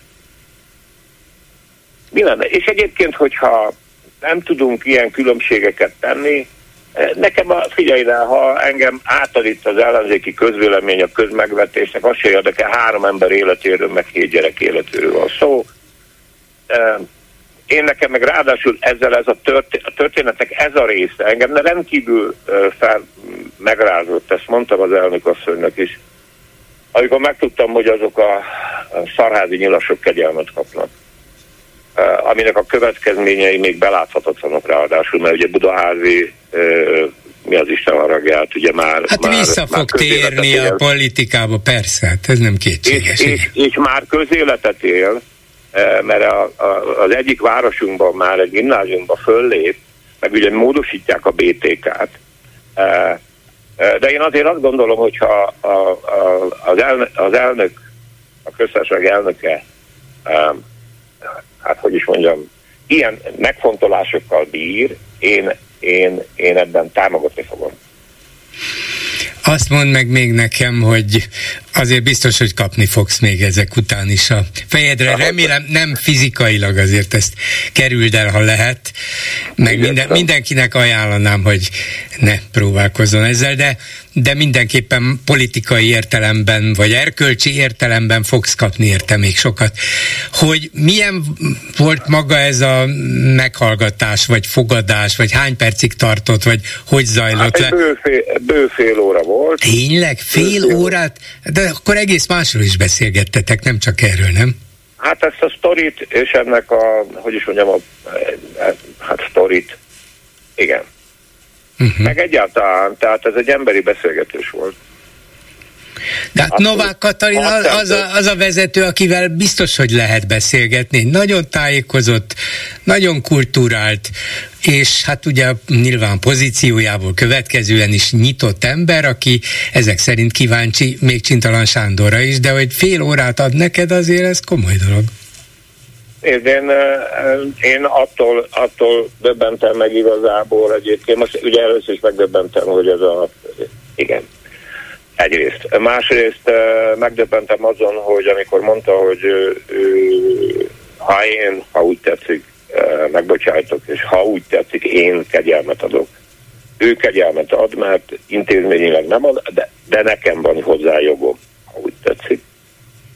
És azt mondta, hogy oké, okay, én kussolok, mondtam én. Már hogy nem én fogom bejelenteni, az elnök dolga, Aha, nem? Igen. Hát de és akkor azt mondta, hogy nyugodtan menjen ki, és mondja el. Mondja na de, el. Na de Igen, ezzel még rád is tolta a dolgot. Hát ön, akkor, akkor nem is Novák Katalin, ugye, ha ő jelenthette volna be, mert ő adja a kegyelmet, te jelented be, hát akkor tiéd a felelősség. Gyuri, most ne hülyéskedj már. Nem? Nem így van? Vagy nem érzed? De, hogy is. Hát egy régi dörzsölt politikus vagy, nem így van? anekdotikus elemet el fogok mesélni. Na, mondd. nem fog rá, de mekkora is mondtam neki, hogy tudja elnök asszony, ugye tudja, hogy most mind a kettőnket hülyének fognak nézni. És erre mit mondasz? nem bánom. Uh-huh. Nem mondott sem, ő diplomatikusan erre nem mondott semmit. Hát én ennél egyrészt nem dobott ki a szobájából, másrészt néztem, hogy a kabinet főnöke kap-e infarktust, nem kapott, hogyha ennél többet hagyna mondja. Hát ez van, ez törni kell a jeget. Értem, értem. Hát... És te neked mond valamit az a novella, annak a címe, hogy Della Rovere tábornok. Ó, igen, rég volt. Igen. Jó, értelek, köszönöm. Köszönöm, Gyuri. Szervusz, Csintalan Sándornak Szia. köszönöm, hogy itt volt. Szia, szia. Háló, jó estét kívánok! Szép jó estét kívánok, Szalai Érika vagyok és egy teljesen más témához szólnék hozzá. Mm, tényleg fontosnak tartom, amit Csintalan úr elmondott, de teljesen más témához szeretnék hozzászólni a, a gyógyszertári és a patikai eljárásokhoz. Nekem van egy bőrgyógyászati probléma, ami már kezelés alatt áll, és a házi, annyit szeretnék önnek bolgárul elmesélni, hogy a házi orvos csak úgy tudja felírni a készítményt, hogy két összetevő szerepel a recepten, és ha szerencsém van és olyan, olyan kedves, olyan hozzáértő gyógyszerésztel találkozom, nyilván meg kell válogatni, hogy milyen patikába fáradok be, vagy, vagy megyek, akkor megcsinálják. De csak azért, mert kedvesek, mert, mert az em, tehát értik, igen, hogy, igen, hogy, igen, hogy igen. az embernek szüksége van erre a, a, a készítményre. Ez egy szteroidot tartalmazó um, krém, tehát nem is egy olyan egyszerű dolog kikeverni, infralámpa kell hozzá, meg nem tudom én, de igenis megcsinálják ingyen tehát csak a, a tehát eddig a, a tapasztalatom az, hogy csak a készítményeknek az árát kellett kifizetnem, és külön nem kellett hozzá uh-huh. a, a keverésnek az árát uh, kifizetni, és most lehet, lehetséges, hogy igen, Hát most pontosan én csak azt láttam itt a friss hírekben, hogy ezeknek a készítményeknek rögzített ára volt, hogy mit számíthattak be, és mit nem. A készítés árát rögzítették-e, vagy az alapanyagok árát, és, és mindegyikre azt mondták, hogy ez ennyi volt, ennyi marad, de most háromszorosára emelik, hogy ebben mennyi az alapanyagár és mennyi a készítés ár, azt nem tudom, de jobb lesz, hogyha ön is felkészül arra, hogy ez meg fog nőni.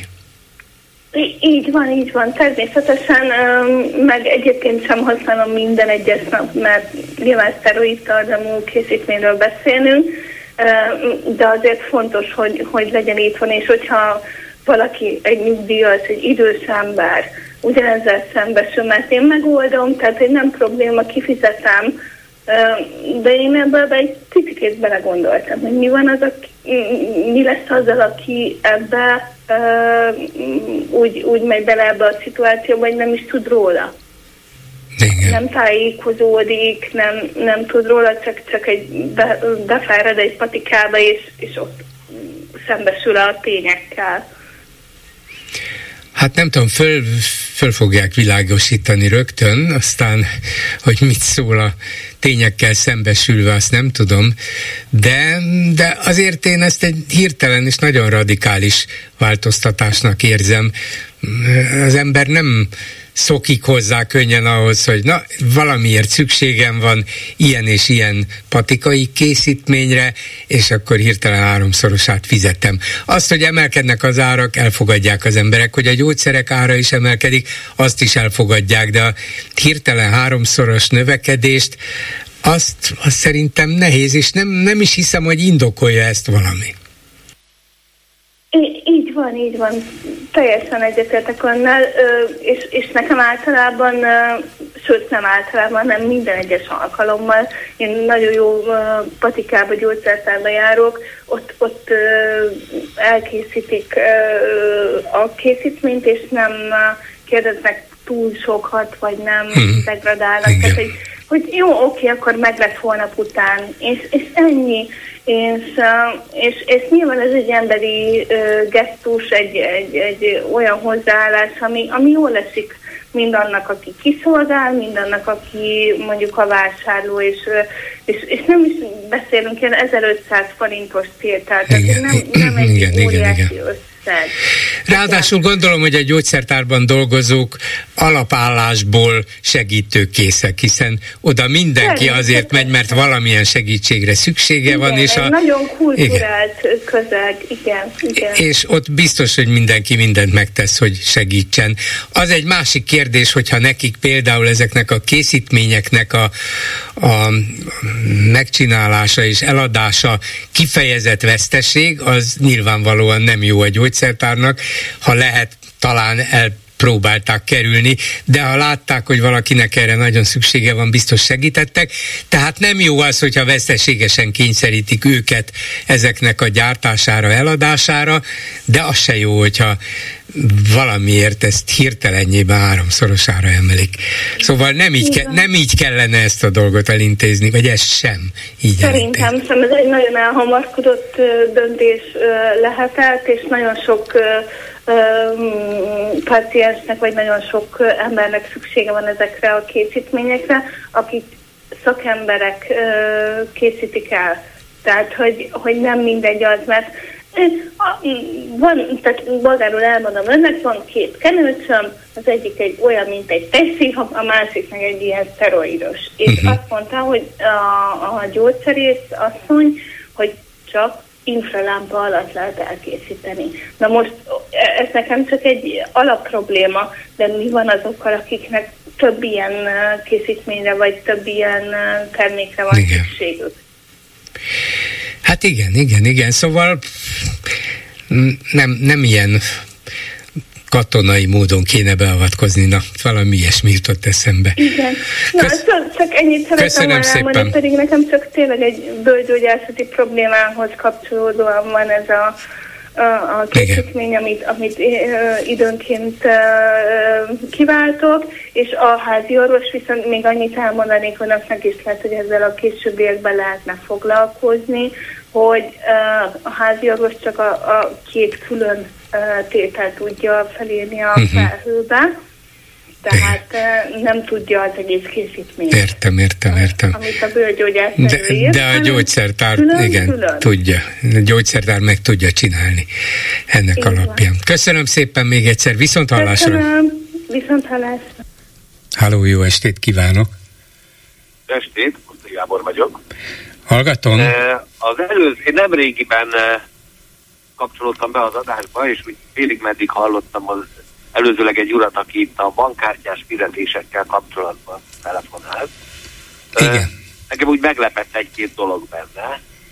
Többek közt az, hogy itt alkotmányos jog legyen a, esetleg a, a készpénzzel való fizetés. Igen, hát ezt a Mi Hazánk mozgalom erőlteti.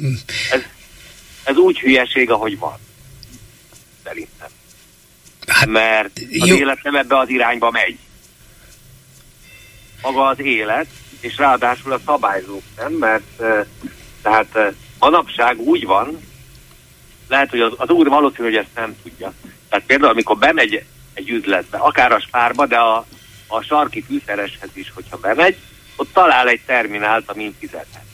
Igen. Nem véletlenül, mert, mert ez előírás, hogy ezeknek az üzleteknek kötelező biztosítani a bankkártyás fizetést. Hogy valaki nem él vele, az egy más kérdés. Tehát tulajdonképpen erre mondhatjuk azt, hogy ez fehéríti a gazdaságot. Igen, hát van egy, és hát általában egyszerűbb is, mint egy csomó készpénzt az embernél hordani, hát, de a, nyilvánvalóan lehet. ez a Mi Hazánk mozgalom azért akarja ezt kvázi alaptörvényben megerősítetni, mert ez e, azt a képzetet kelti sokakban, hogy na hát a kormány el akarja venni a kezünkből a készpénzt, a Mi Hazánk pedig, amelyik tudja, hogy ez nem így van, és nem is lehet megcsinálni, vagy a belátható hát, időben nem csinálják meg, de milyen jól jön ez, mert az embereket megijesztjük mi még jobban, mint a Fidesz Igen. szokta. Ezzel, ennyi, hogy ennyi elveszik erővel, a készpénzt. Ennyi, bocsánat, ennyi erővel alkotmányos jogba foglalhatnánk azt is, hogy, hogy díszmagyart viselhessek. Mert hát farmerba járok. Igen, igen. igen. Hogy ne tiltsák Körülbelül. be a díszmagyar viselését ugye? Mert igen, igen. nincs betiltva, csak hát nem ez az általános hát, viselet. Most, hogy valaki hordja, nem hordja, az az ő dolga. Igen. Tehát ez, a, ez az egyik része ennek. A másik, hogy uh, itt hivatkoznak a skandináv államokra, amennyire én belelátok magam kis személy, szemétdobján, meg akikkel így beszélgetek, azért Magyarországon is elég jelentős a bankkártyás fizetés, tehát kimerném így látatlanba jelenteni, hogy, hogy mondjuk a, a pénzforgalomnak, az üzletekben a pénzforgalomnak mondjuk a 60-70 százalék a bankkártyával történik manapság. Igen, nem tudjuk, nem vagy hiszem, én nem láttam erről számot, de, de, de valószínűleg igaza van, és főleg itt a Covid járvány alatt egyre inkább és Igen. radikálisan az, az elterjedt. Még dobott rajta, Igen. még dobott rajta, még dobott rajta. De, de így nem hiszem, hogy nagyot tévedek ezzel. Nem, valószínűleg nem. És biztos, hogy ez a jövő útja, hát nyilván ez a készpénz, persze, ez... Persze. Ebbe megy az id- a világ, ebbe az persze, irányba megy. Persze. Hát ezen, ezen lehet vekengeni, de teljesen felesleg. Nem, de... Ami egy érdekesség, csak azt akartam mondani, hogy a Fideszre sok rosszat lehet mondani, még annál is többet, de azt biztos, hogy nem tervezik, hogy akkor meg is szüntessék, vagy meg is tiltsák a, a készpénznek a használatát. Majd e, meg fog egyszer csak szűnni. fizetnek az emberek. Igen. Főleg az most mennyivel egyszerűbb, hogy, hogy még a pénztárcát sem viszi magával, csak a telefonját is azzal fizet. Úgy van. Sőt, most nem? már odáig mennek, hogy a különböző személyi, igazol, személyi igazolványokat, nem csak a személyt, hanem egyéb igazolványokat is rá lehetne tenni a telefonra, és akkor ezzel lehetne mindenféle hivatalos Igen. helyen eljárni, aminek Igen. vannak szerintem adatvédelmi akadályai, de lehet, hogy a világ valóban ebbe az irányba megy, még akkor is, ha megvannak a veszélyei. Hiszen ha minden Igen. egy helyen van, az egyszerűbb az embernek. Érdekessége ennek, tehát lehet szeretni, lehet nem szeretni a Fidesz. Azt kijelenthetjük azért, hogy hogyha tárgyszerűek maradunk, hogy fehéríti ez a gazdaság. Ez igen, igen, igen. A, az érdekessége még ennek a dolognak, hogy azért vannak ismerőseim, akik, akik szintén kereskednek, nagyban csinálnak, és, és például mondják, hogy a forgalmuk növekedett, mégpedig azért, mert itt már ez egy másik, picit másabb kérdés, itt az áfa kérdése miatt. E, nagyon sokan nem tudják, hogy Magyarországon a vállalkozásoknál úgy van, hogy vannak, a, vannak az úgynevezett alanyi mentesek, meg vannak, akik áfáznak. Kereskedelemben ez úgy van, hogy jelen pillanatban 12 millió forint éves árbevétel fölött kötelező áfa körbe belépni, és akkor áfát kell fizetnie a kereskedőnek. Ez alatt pedig alanyi mentes lehet az illető és akkor ennek vannak még különböző variációi. És mondja, hogy megnőtt a forgalma, mert ő áfás, Tehát ő tud áfás számlát adni a viszonteladóinak. A viszonteladók nem szívesen vásárolnak alanyi mentes eladótól, mert ott az áfát teljes egészében az eladó, a vásár, az viszont eladó, vagy a boltos, vagy mit tudom én minek nevezzem, az fizeti, mert aki alanyi mentes, az, az egyfajta áron odaadja neki, és akkor utána ő megcsinálja az árrését, és a végén ráteszi az áfát. Igen. Uh, általában az alanyi mentesek, azok természetesen nagyon jól tudják, hogy mennyi a nettó ára mondjuk egy terméknek, és ennek megfelelően a bruttó. Tehát ők igyekeznek úgy szabni az árat mindig, hogy az áfát is még szépen be tudják nyelni. Uh-huh. Tehát ez egy elég visszás történet itt a maga, magyar gazdaságban, bár fel tudnánk sorolni számos adóparadicsomot még, még ebben a gazdaságban, ami létezik, amiket azért, hogyha, hogyha ugye helyére tenné a kormányzat, bármelyik kormányzat is, valószínű daráskészekbe is nyúlna egy kicsit, de akkor, akkor tényleg fehéredne a gazdaság, és, és akkor, akkor jelentős áfa bevételekhez jutna még pluszban uh-huh. az ország. Tehát így, ilyen, ilyen szinteken, ilyen alapokon nagyon-nagyon sok áfa az, az elvét, az, az nem oda kerül, ahova kellene. Igen. Köszönöm szépen, hogy hívott. Viszont hallásra. Én köszönöm. Viszont hallásra. Háló, jó estét kívánok. Jó estét kívánok, Bolgár úr. Én ehhez a Vignyá, tehát ez a színházi balesethez szeretnék hozzászólni, mert szöget ütött a fejemben az, hát először is az, hogy már hazaengedték, és ez azért ütött szöget a fejembe, mert a hét folyam, az elmúlt héten, vagy ezen a héten is többször beszélt ön is, meg más fórumokon is, színészek hozzászól, vagyis a színházi berkekben dolgozók, és azt mond, vagy hát nem célozgattak, de hogy mikor ön is például jobbulást kívánt, hogy mielőtt kijön, akkor az egyik színésznő azt mondta, hogy hát ő nem ezt hallotta, szóval itt elég súlyos baleset, és ezt többen megerősítették, ilyen nem mentek bele részletekbe, csak ilyen e, finoman.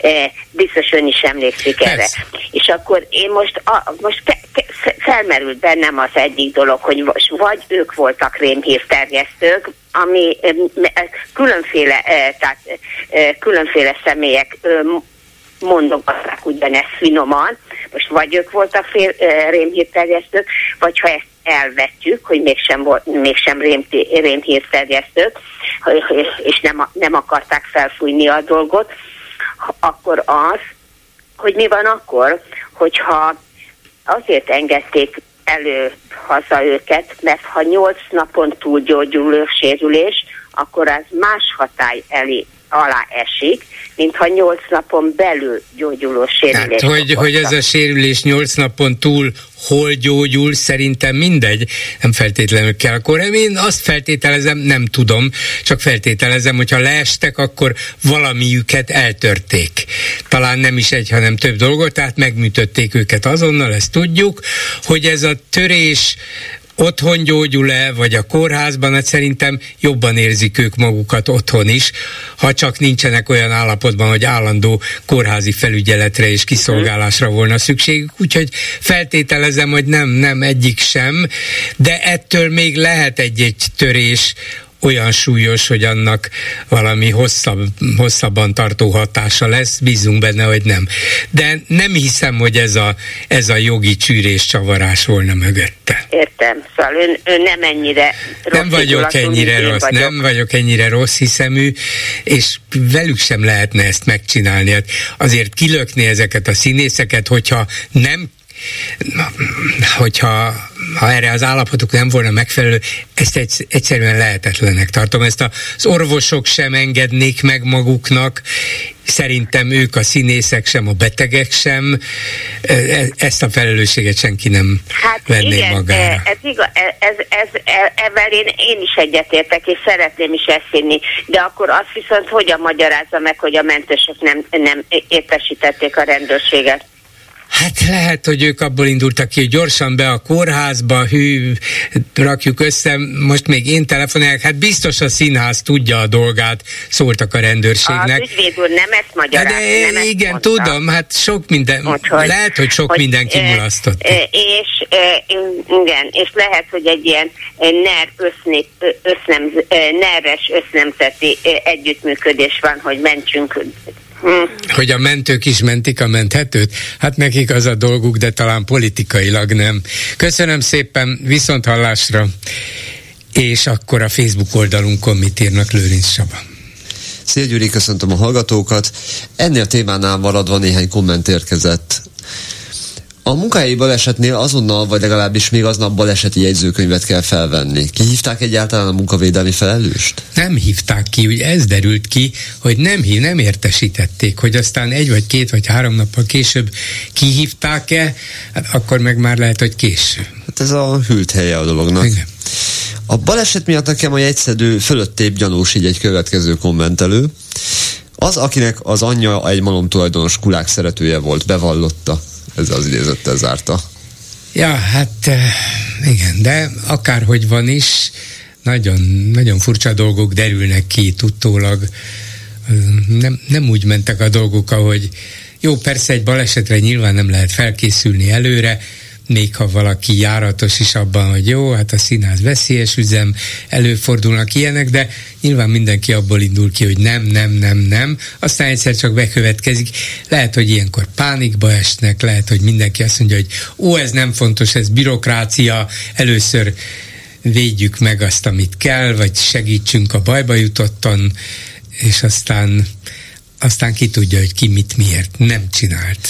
Nem tudom, de szerintem a protokollok, a biztonsági protokollokat nem véletlen hozzák. Na, persze, persze. És van egy olyan sejtésem, hogy ha akármilyen módon is rákényszerítették a protokollok megszegésére a sérülteket, de ne legyen igazam ebben. Karácsonyra NER kártyajátékokat így a következő gondolat. Jolly Joker, El Simon, bárhova kinevezhető. Fekete Péter, Vidnyánszki, nincsen párja. Az előbbi már nem is annyira Jolly, ut- utóbbiról meg kiderült, hogy a NER átírta a játékszabályt. Kettő is van belőle a pakliban. Hát igen, és különben is minden tudtólag is lehet törvényel módosítani, nem? Igen, hát természetesen és visszamenőlegesen. Igen. Aztán egy érdekes párbeszéd, ez már csak egy röviden. Tudja bolgár úr, hogy az általános iskolásoknak nagyköveti programot szervez a Fidesz, hogy őket is beszervezze? Hivatkozik a fo- az egyik helyi tévére az egyik kommentelő. Mit csinálnak az általános iskolásokkal? Nagykövet? Nagyköveti programot szervez nekik a Fidesz, és ezt állítja, hogy egy körzeti tévénél hallotta. Erre egy válasz? Úgy tudom, hogy azt az Európai Parlament szervezi éppen az EU Parlament működésének bemutatása céljából. Jó, hát ezt nem tudom követni, mert nem tudom milyen. Az Európai Parlamentnek és az Európai Uniónak van számos nagyon érdekes programja, hogy bevonja az Európai Unió polgárait abba, hogy hogy működik a politikai meg a közigazgatási élet Európában, úgyhogy akár nagykövet is lehet a diákokból, gyerekekből, általános iskolásokból, ha az Európai Unió múlik. Ez mondjuk szimpatikus. Meg a kis Orbán Viktorból is lehet, aki most az általánosba jár, miniszterelnök. Igen. Köszönöm szépen, ezzel a megbeszéljük mai műsora véget ért. Készítésében közreműködött Zsidai Péter, Lőrinc Csaba, Erdei Tünde, Simon Erika és Kemény Dániel. Bolgár Györgyöt hallották, viszont hallásra holnap. Most pedig jön az Esti Gyors. Esti Gyors, a hírek háttere. Jó estét kívánok! A szerkesztő Vénad Gyöngyi nevében is köszönti Önöket, a műsorvezető Rózsa Péter. Olyan törvény készül, ami sok vitát fog kiváltani. Maga a miniszterelnök előlegezte meg a mai nyilatkozatában, hogy az úgynevezett szuverenitási törvény vitája hát nem lesz egy leányáló. Na de miről van szó? Egy lebegő fogalom a szuverenitás valamiféle védelméről, valamiféle ellenséggel szemben. Körülbelül ennyire lesz jó majd ez a jogszabály.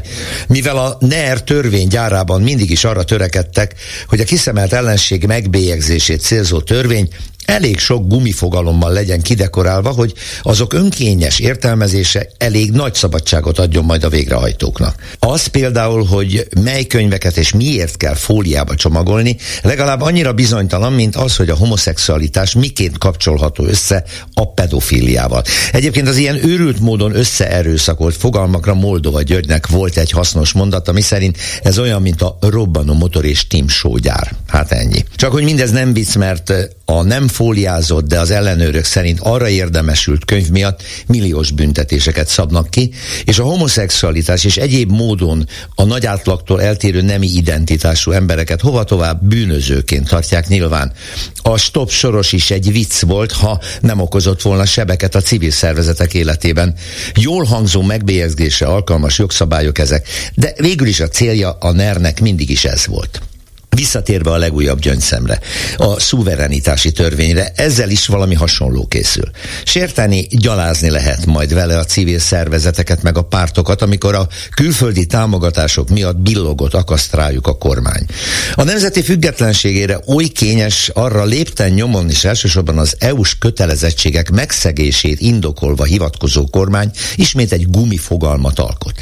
Milyen nemzet és mitől való függetlenségről van itt tulajdonképpen szó? Ha csak a magyar kormány érdekei felől nézzük, akkor itt az világlik ki, hogy Orbánék semmilyen külső, nemzetközi szintéről érkező, egyébként a magyar kabinettől független támogatást vagy aktív részvételt nem szeretnének látni. Mindez persze eleve ostobaság, hiszen ma egyetlen ország sem azonos egyetlen nemzettel, és egyetlen ország sem képes együttműködések, oda-vissza működő támogatások nélkül fennmaradni. Olyannyira nem, hogy éppen Orbánék állnak az ilyen akciók élén, hiszen milliárdokat milliókat költenek az amerikai Egyesült Államokban működő jobboldali lobbisták és szervezetek támogatására.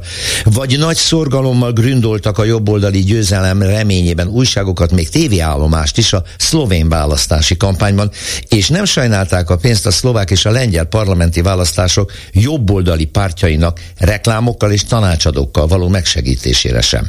Egy szóval beavatkoztak, mégpedig közpénzen, a mi pénzünkön. De határainkon belül is csak egyfelé lendül ki a kormány szuverenitási ingája, ha arra gondolunk például, hogy mennyi pénzt öl a CÖF nevű egyletbe, vagy most éppen azokba szintén jelentős közmilliókkal támogatott szervezetekbe, amelyek a minap Debrecenben az akugyárak építése miatt agodó Amnesty International Magyarországot és a Mikepércsi anyák a környezetért egyesületet provokátor szervezeteknek és álcivileknek nevezték a nyílt levelükben. Egyébként a tollat, a tintát, a papírt és persze a szöveget is a kormány adja nekik, hogy legyalázzák az életük minőségét féltő, szólás és véleménynyilvánítási szabadságukkal élő embereket és szervezeteket.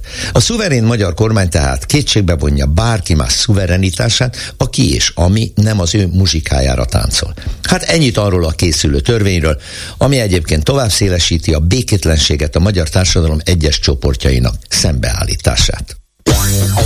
Esti gyors, a hírek háttere.